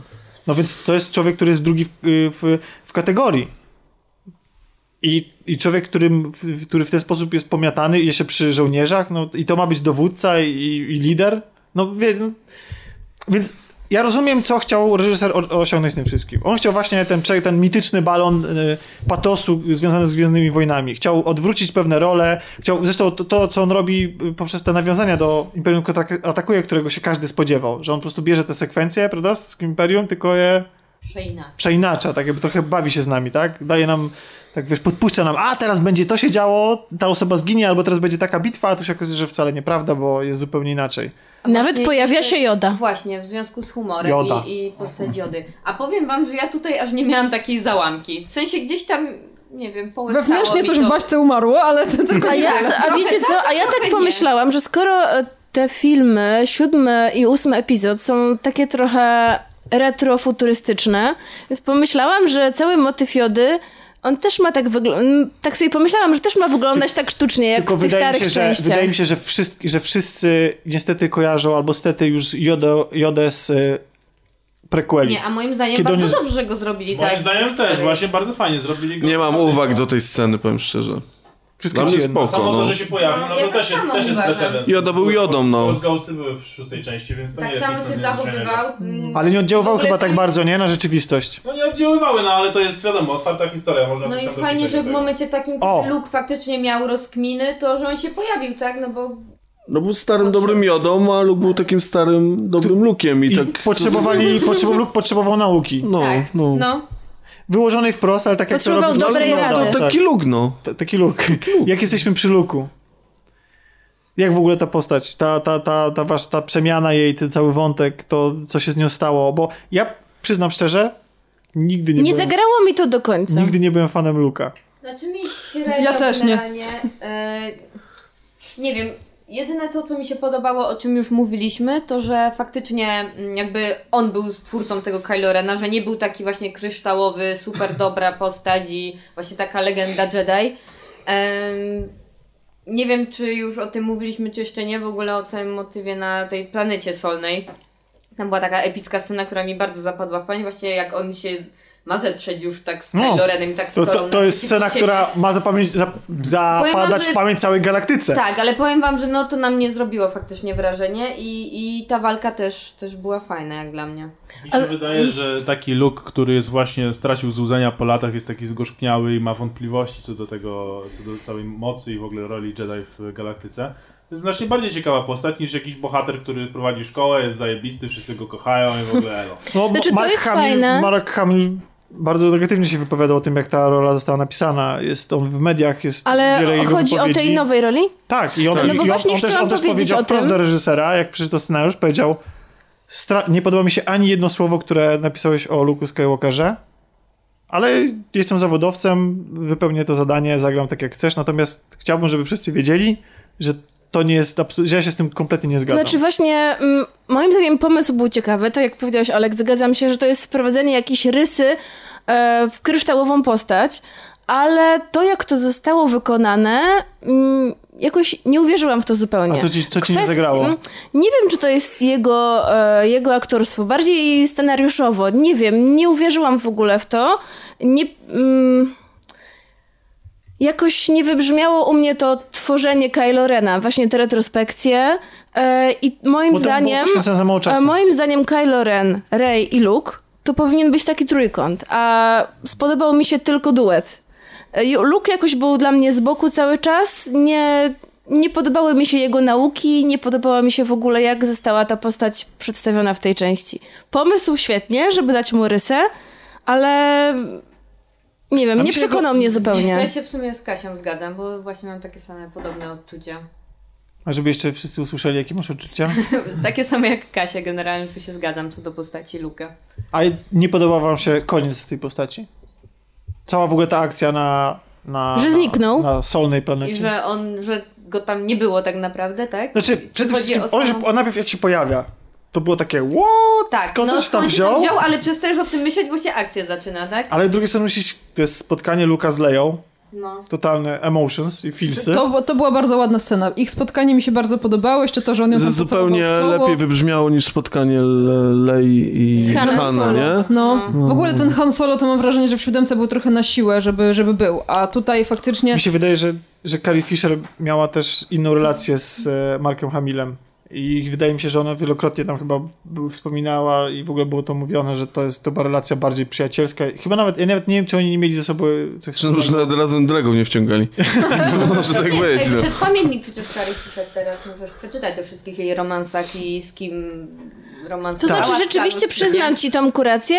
y, Moment ich spotkania i, i te kostki znikające i pocałunek w czoło, no to było emocjonalne. No i sama końcówka, scena z e, wschodem podwójnych słońc. Tak. Ale, Ale, zanim, ale zanim do tego dojdziemy. ale jeszcze moment, jak jesteśmy już przy solnej planecie, jest to moja ulubiona sekwencja tego filmu, szczególnie od strony wizualnej. Ta czerwień wychodząca spod tej bieli soli. Ładne. E, I unosząca się w momencie, kiedy te ślizgacze, kiedy te ślizgacze unosiły ten czerwony pył, e, bardzo to było ładne. ja się na przykład doczepiam do warstwy techni- technicznej tego filmu. Uważam, że tam zostało bardzo dużo, że ten film został skrzywdzony przez zdjęcia robione na zielonym tle. Jest bardzo dużo sekwencji, ujęć, które są zepsute i to widać po prostu, te zepsute kluczowanie. Jest, jest fragment, w którym e, w którym Finn wyskakuje z płonącego swojego wraku do wraku Rose. tak, jak, jak biegnie do wraku Rose i, e, i po prostu wygląda to koszmarnie, podobnie jak, jak na przykład jazda ich na tych zwierzakach na, w, w planecie Kasyno. Jak ci się, Alku, podobało e, pojedynek Kylo i Marka Hemila? I czy to było dla ciebie, i, i, i Luka Skywalker, czy to był dla ciebie idealny koniec te, tej postaci i czy... Byłem bardzo zaskoczony, kiedy się pojawił tam Luke faktycznie i kiedy tam w niego naparzali z laserów, nic mu się nie stało. Zastanawiałem się, o co tutaj chodzi. Epicka scena, co? Bo tak. nie, bo... no wtedy to już to było oczywiste, że... No jak Znaczy, zaczęli w wiadomo niego było, wiadomo było że, że, że jeśli się pokaże, że on tam jest, no to coś tutaj jest grane, ale jeszcze nie wiedziałem. Ale wiesz, mógł to sposób. mocno odbijać wszystkie te ładunki. No, te... to jest Luke Nie Skywalker. takie rzeczy No, robili. jeśli, jeśli, jeśli rozbudowują ten kanon i dopisują jakieś nowe umiejętności, no to teoretycznie tak. No ale potem, jeśli, jak się okazało, że jego tam tak naprawdę nie było, to uznałem, że to jest naprawdę fajne, dlatego że widzieliśmy, że Snoke miał takie możliwości, żeby na odległość oddziaływać, więc uzasadnione jest, że jeśli Luke był potężny, też mógł mieć takie możliwości. Plus y, wydaje mi się, że to było takie fajne, że on y, jest już zmęczony, już, już nie, chce, nie chce tego wszystkiego robić, ale jeszcze jako taką ostatnią rzecz, którą wykonał, pomógł tym, y, temu oporowi, powstrzymał tego Kylo Rena, żeby tamci mogli uciec i dopiero wtedy zmęczony może odejść. Moim zdaniem bardzo fajne. Podobało mi się. A sama scena walki była bardzo emocjonująca i była bardzo fajna, bo jeszcze nie było widać tego, że jego tam naprawdę nie ma. No tam później można się niby dopatrzeć, że nie zostawiasz e, tych śladów czerwonych stóp na... No ale to jak wiesz dopiero to zrobić. Tak, tak. Znaczy, dla mnie. Ja jednak chyba bym wolał, żeby on tam był osobiście. Wydaje mi się, że no, oczywiście rozumiem to Tylko, to patrzenie pewnie na dwa było- słońca i to, to ten, ten, ten Tylko jego. nie wiem, czy to by było możliwe, że on by tam był osobiście, nie? Znaczy, Ten film łamie tak dużo zasad, logiki, Byłoby. ma tak dużo dziur w fabule, ma tak dużo, tak dużo łamie zasad Gwiezdnych Wojen, o co jest, masa ludzi ma do niego ogromne pretensje. Chociażby sam fakt w ogóle rozwiązania, najprostsze rozwiązanie scenariuszowe, które właściwie można wymyśleć na prędce. Pierwsze, które ci przychodzi do głowy, kiedy bohaterowie są zamknięci z jakimiś zwierzakami w, czy, czy w, w jaskini. I że te zwierzaki znajdują wyjście. No to jest tak banalne, tak oczywiste, tak głupie. A liski ładne. Liski ładne, Liski tak. ładne, bardzo ładne. dobra. Ładniejsze niż porgi, bo nie krzyczą. I Ładny dźwięk wydawały. Tak, one były świetnie pomyślane. Kurczę, właśnie takich, takich z Nie maskotek, takich maskotek po, potrzebują Gwiezdne Wojny, a nie porgów, no. No ale, ale wracając do... Ten film ma masę głupot, no. I ma masę, masę, masę rzeczy, za które się ludzie mają pretensje, że ludzie analizujący tą, tą, yy, te, te, ten film, ja podsumowując może, przechodząc powoli do końca, y, jakbyś w jednym zdaniu powiedział, co czyni z The Last Jedi twoimi Gwiezdnymi Wojnami? że to jest nowy początek. W końcu. Okej, czyli reset i W końcu widzę coś nowego po prostu. Teraz siedem osób będzie walczyło z całym. z jednym Kylo Renem. Mam nadzieję, że nie. Mam nadzieję, że będzie jakiś bardziej złożony element tam, ale mówię, jest to, jest to coś nowego, jest początek jakiś. Basiu. Za co nienawidzisz nowych Gwiezdnych Wojen? No ja już na samym początku to powiedziałam po prostu, że miałam wrażenie, że ktoś nie potraktował mnie poważnie. I tyle. Przez żarty? E, nie, nie przez żarty, przez e, urwanie takich właśnie ważnych wątków, rozwiązanie właśnie kwestii Snowka i, i Rey. No mi się to nie podobało, ja rozumiem te wszystkie argumenty, które ty tutaj mówiłeś, ale one mi się po prostu nie podobają, mnie to nie przekonuje i dla mnie to, ja nie, nie spojrzę na ten film, nie wiem, trochę pod lepszym kątem. W sensie ja mówię, to nie jest masakra, jak tutaj właśnie już w trakcie dyskusji wyszło, dużo rzeczy mi się podobało, gdzieś tam było coś fajnie pomyślane, no ale niestety ja jestem wymagająca i no, półśrodkami się nie zadowolę, o, i tyle. Anno?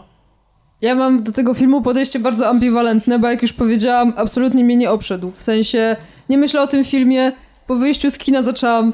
Po, naszej rozmowie jeszcze, bo trochę jeszcze rozmawialiśmy o tym filmie, zaczęłam od razu myśleć o czymś innym i wydaje mi się, że przynajmniej w moim przypadku to jest największy zarzut, jaki mam wobec tego filmu. Nie potrafił mojej uwagi utrzymać.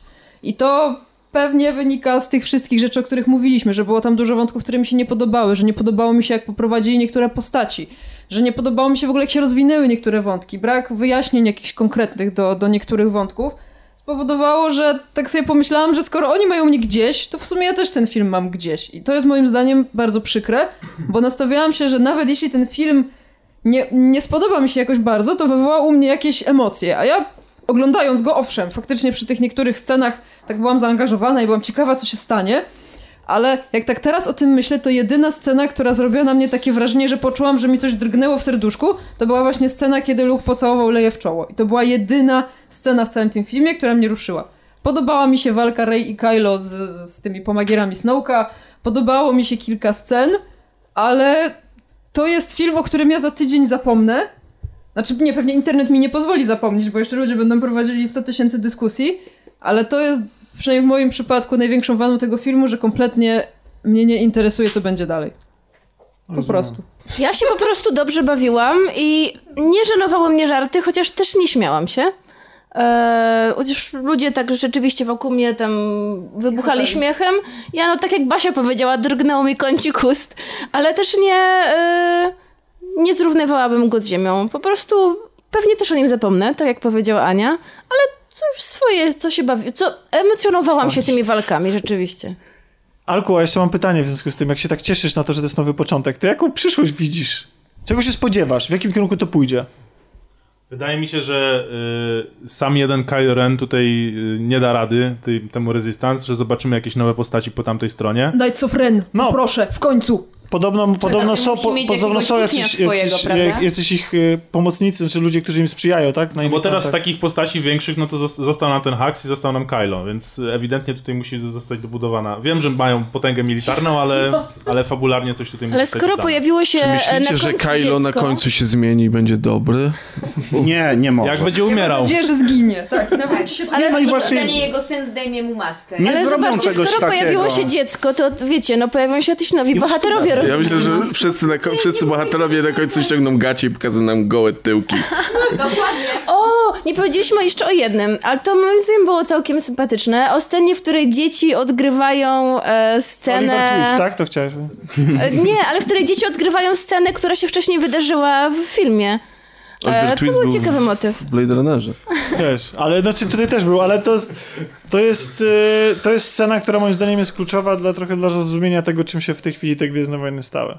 I czym będą w, w będą następnej przyszłe. trylogii, nie? Czyli To jest- sprzedawaniem, to jest taka gadże- zajawka. sprzedawa- sprzedawaniem gadżetów dla dzieci? To już zawsze były. Tym już były. Nie, To no, jest, no. to jest, bo wiecie, bo, nie tylko. bo generalnie ta scena, ta scena pokazuje, że po pierwsze, że, że tam mamy dzie dziecko, które przyciąga mocą Miotłę, szczotkę, tak. miotłę, później staje na tle gwiazd w takim klasycznym rozkroku Jediowym i trzyma, i podnosi tą szczotkę w taki sposób, jakby trzymało miecz świetlny. Te umiejętności znikąd Rey mogą świad- świadczyć o tym, że y, tych Jedi i ludzi posługujących mo się mocą będzie dużo więcej. Więc Ale pod- tych ludzi też było kiedyś sporo więcej, prawda? No Tak, bo tak, no popatrzymy tak, sobie, ilu, no. ilu ich tam było, jak, jak były wojny, prawda? Więc być może to jest właśnie takie, to- takie odrodzenie. Nie mówiąc o tym, że Anakin przecież też się wziął znikąd trochę, nie? Tak, niepokalane poczęcie, nie? Dokładnie. Tak, z, mi- z midichlorianów się Do- Się też od biednej matki niewolnicy, no Dokładnie, więc, e, więc wydaje mi się, że, że to będzie kolejną, w kolejnych e, częściach, może niekoniecznie one będą dla nas przeznaczone, ale taka jest, takie jest Przekonamy przesłanie się za części. 4 lata, no. Tak. Ale też e, wydaje mi się, że też trochę tak, że, że ta scena zabawy i tego, w jaki sposób dzieciaki posługują się tym mitem, jest trochę takim kluczem do zrozumienia tego, w jaki, co reżyser i w ogóle twórcy zrobili z tą częścią. O, to mnie przekonuje do twojej teorii. Nie, bo, bo, twojej teorii meta. Czy chodzi mi o to, że oni rzeczywiście chcą pokazać, że to jest nowotwarcie. Ta scena mnie do tego I- przekonuje. to że to jest- jest coś, e, zerwanie z jakąś tradycją. To ale zerwanie z tradycją, ale też pokazanie tego, że tak naprawdę my wszyscy, bo przecież twórcy tych filmów to też są ludzie wychowani na tych Gwiezdnych Wojnach. I wydaje mi się, że my wszyscy mamy, i każdy z nas, jak tutaj siedzieliśmy, mieliśmy masę opinii na różne, każdy miał na każdy inny temat inną, inną opinię, że nas, jest nas tak dużo i wszyscy razem tworzymy tą markę, razem z tymi produkcjami, które oglądamy i które czytamy, że nie da się zrobić jednego kanonicznego, jednych, jednych kanonicznych Gwiezdnych Wojen. Że to wszystko jest tylko zabawą. To jest zabawa twórców, którzy biorą klasyczne postacie, klasyczne motywy i po prostu się tym bawią. Zmieniają, porzucają, tak jak, tak jak dzieci bawiące się figurkami, które biorą te legendy, bo przecież Darth Vader, całe Gwiezdne Wojny, moc i tak dalej, to wszystko Jedi, to są wszystko legendy, których, na których my, my wyrośliśmy, na których my się wychowaliśmy i z których robimy dzisiaj jakiś użytek, czy tak jak dzieciaki, które się bawią dzisiaj Lego. I wy, i tak jak twórcy. Co? Że. Nie tylko dzieciaki. Więc, więc wydaje mi się, że, że to jest to główne przesłanie tych dzisiejszych Gwiezdnych Wojen i to się wcale nie musi podobać ludziom. Ja to rozumiem, bo to była najbardziej konserwatywna, skostniała i bardzo mocno trzymająca się swoich własnych tradycji i zasad marka. A teraz nagle się okazuje, te zasady chyba nie są do końca istotne. To wszystko jasne, bo ja nie jestem konserwatystą. A ja, a ja ja jestem zdruzgotany tym, co zrobili z epizodem siódmym, a jednocześnie... Znaczy, ja jestem pod wrażeniem tego, że jeżeli to było zamierzone, to naprawdę udało mi się zrobić tą metaopowieść, czyli... Nerdoza zbudowana jest na nadziei. Aha, proszę bardzo. Czyli ciągle wierzymy, że, że, że przyjdzie J.J. Abrams... porzućmy na, na nadzieję, naprawdę. Przyjdzie To- J.J. Abrams w epizodzie dziewiątym i nam wszystko ponaprawia i znowu zrobi Oni, taką... oni tyle obiecali nie chcieli. dotrzymali W epizodzie dziewiątym ktoś powie Marta. A, tak, bo scenariusz będzie pisał pan od Batman v Superman. Tak. Dobry film. Czekam z niecierpliwością na kolejny epizod. Dobrze. Kończymy. Słuchajcie, dziękujemy bardzo za wysłuchanie. Na pewno macie wiele do dodania i nie poruszyliśmy bardzo istotnych kwestii, które was akurat zajmują w świecie Gwiezdnych Wojen i które wam sprawiły, że te filmy się spodobały bądź nie. Ale tak jak y, wspominaliśmy tutaj wielokrotnie, to jest tak ogromny temat i każdy z tych filmów czerpie co chce. Mam nadzieję, że wy wyczerpaliście, y, czerp, czerpaliście z nas tyle, ile byście chcieli.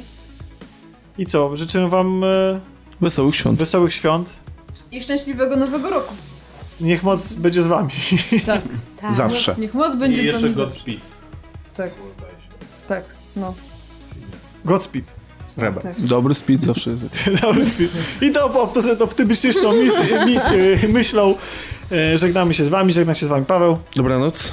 Alek, Dobranoc. Basia, Papa. Ania, Pa! Tomek, Cześć. Kasia Pa! i ja Tomek. Hej.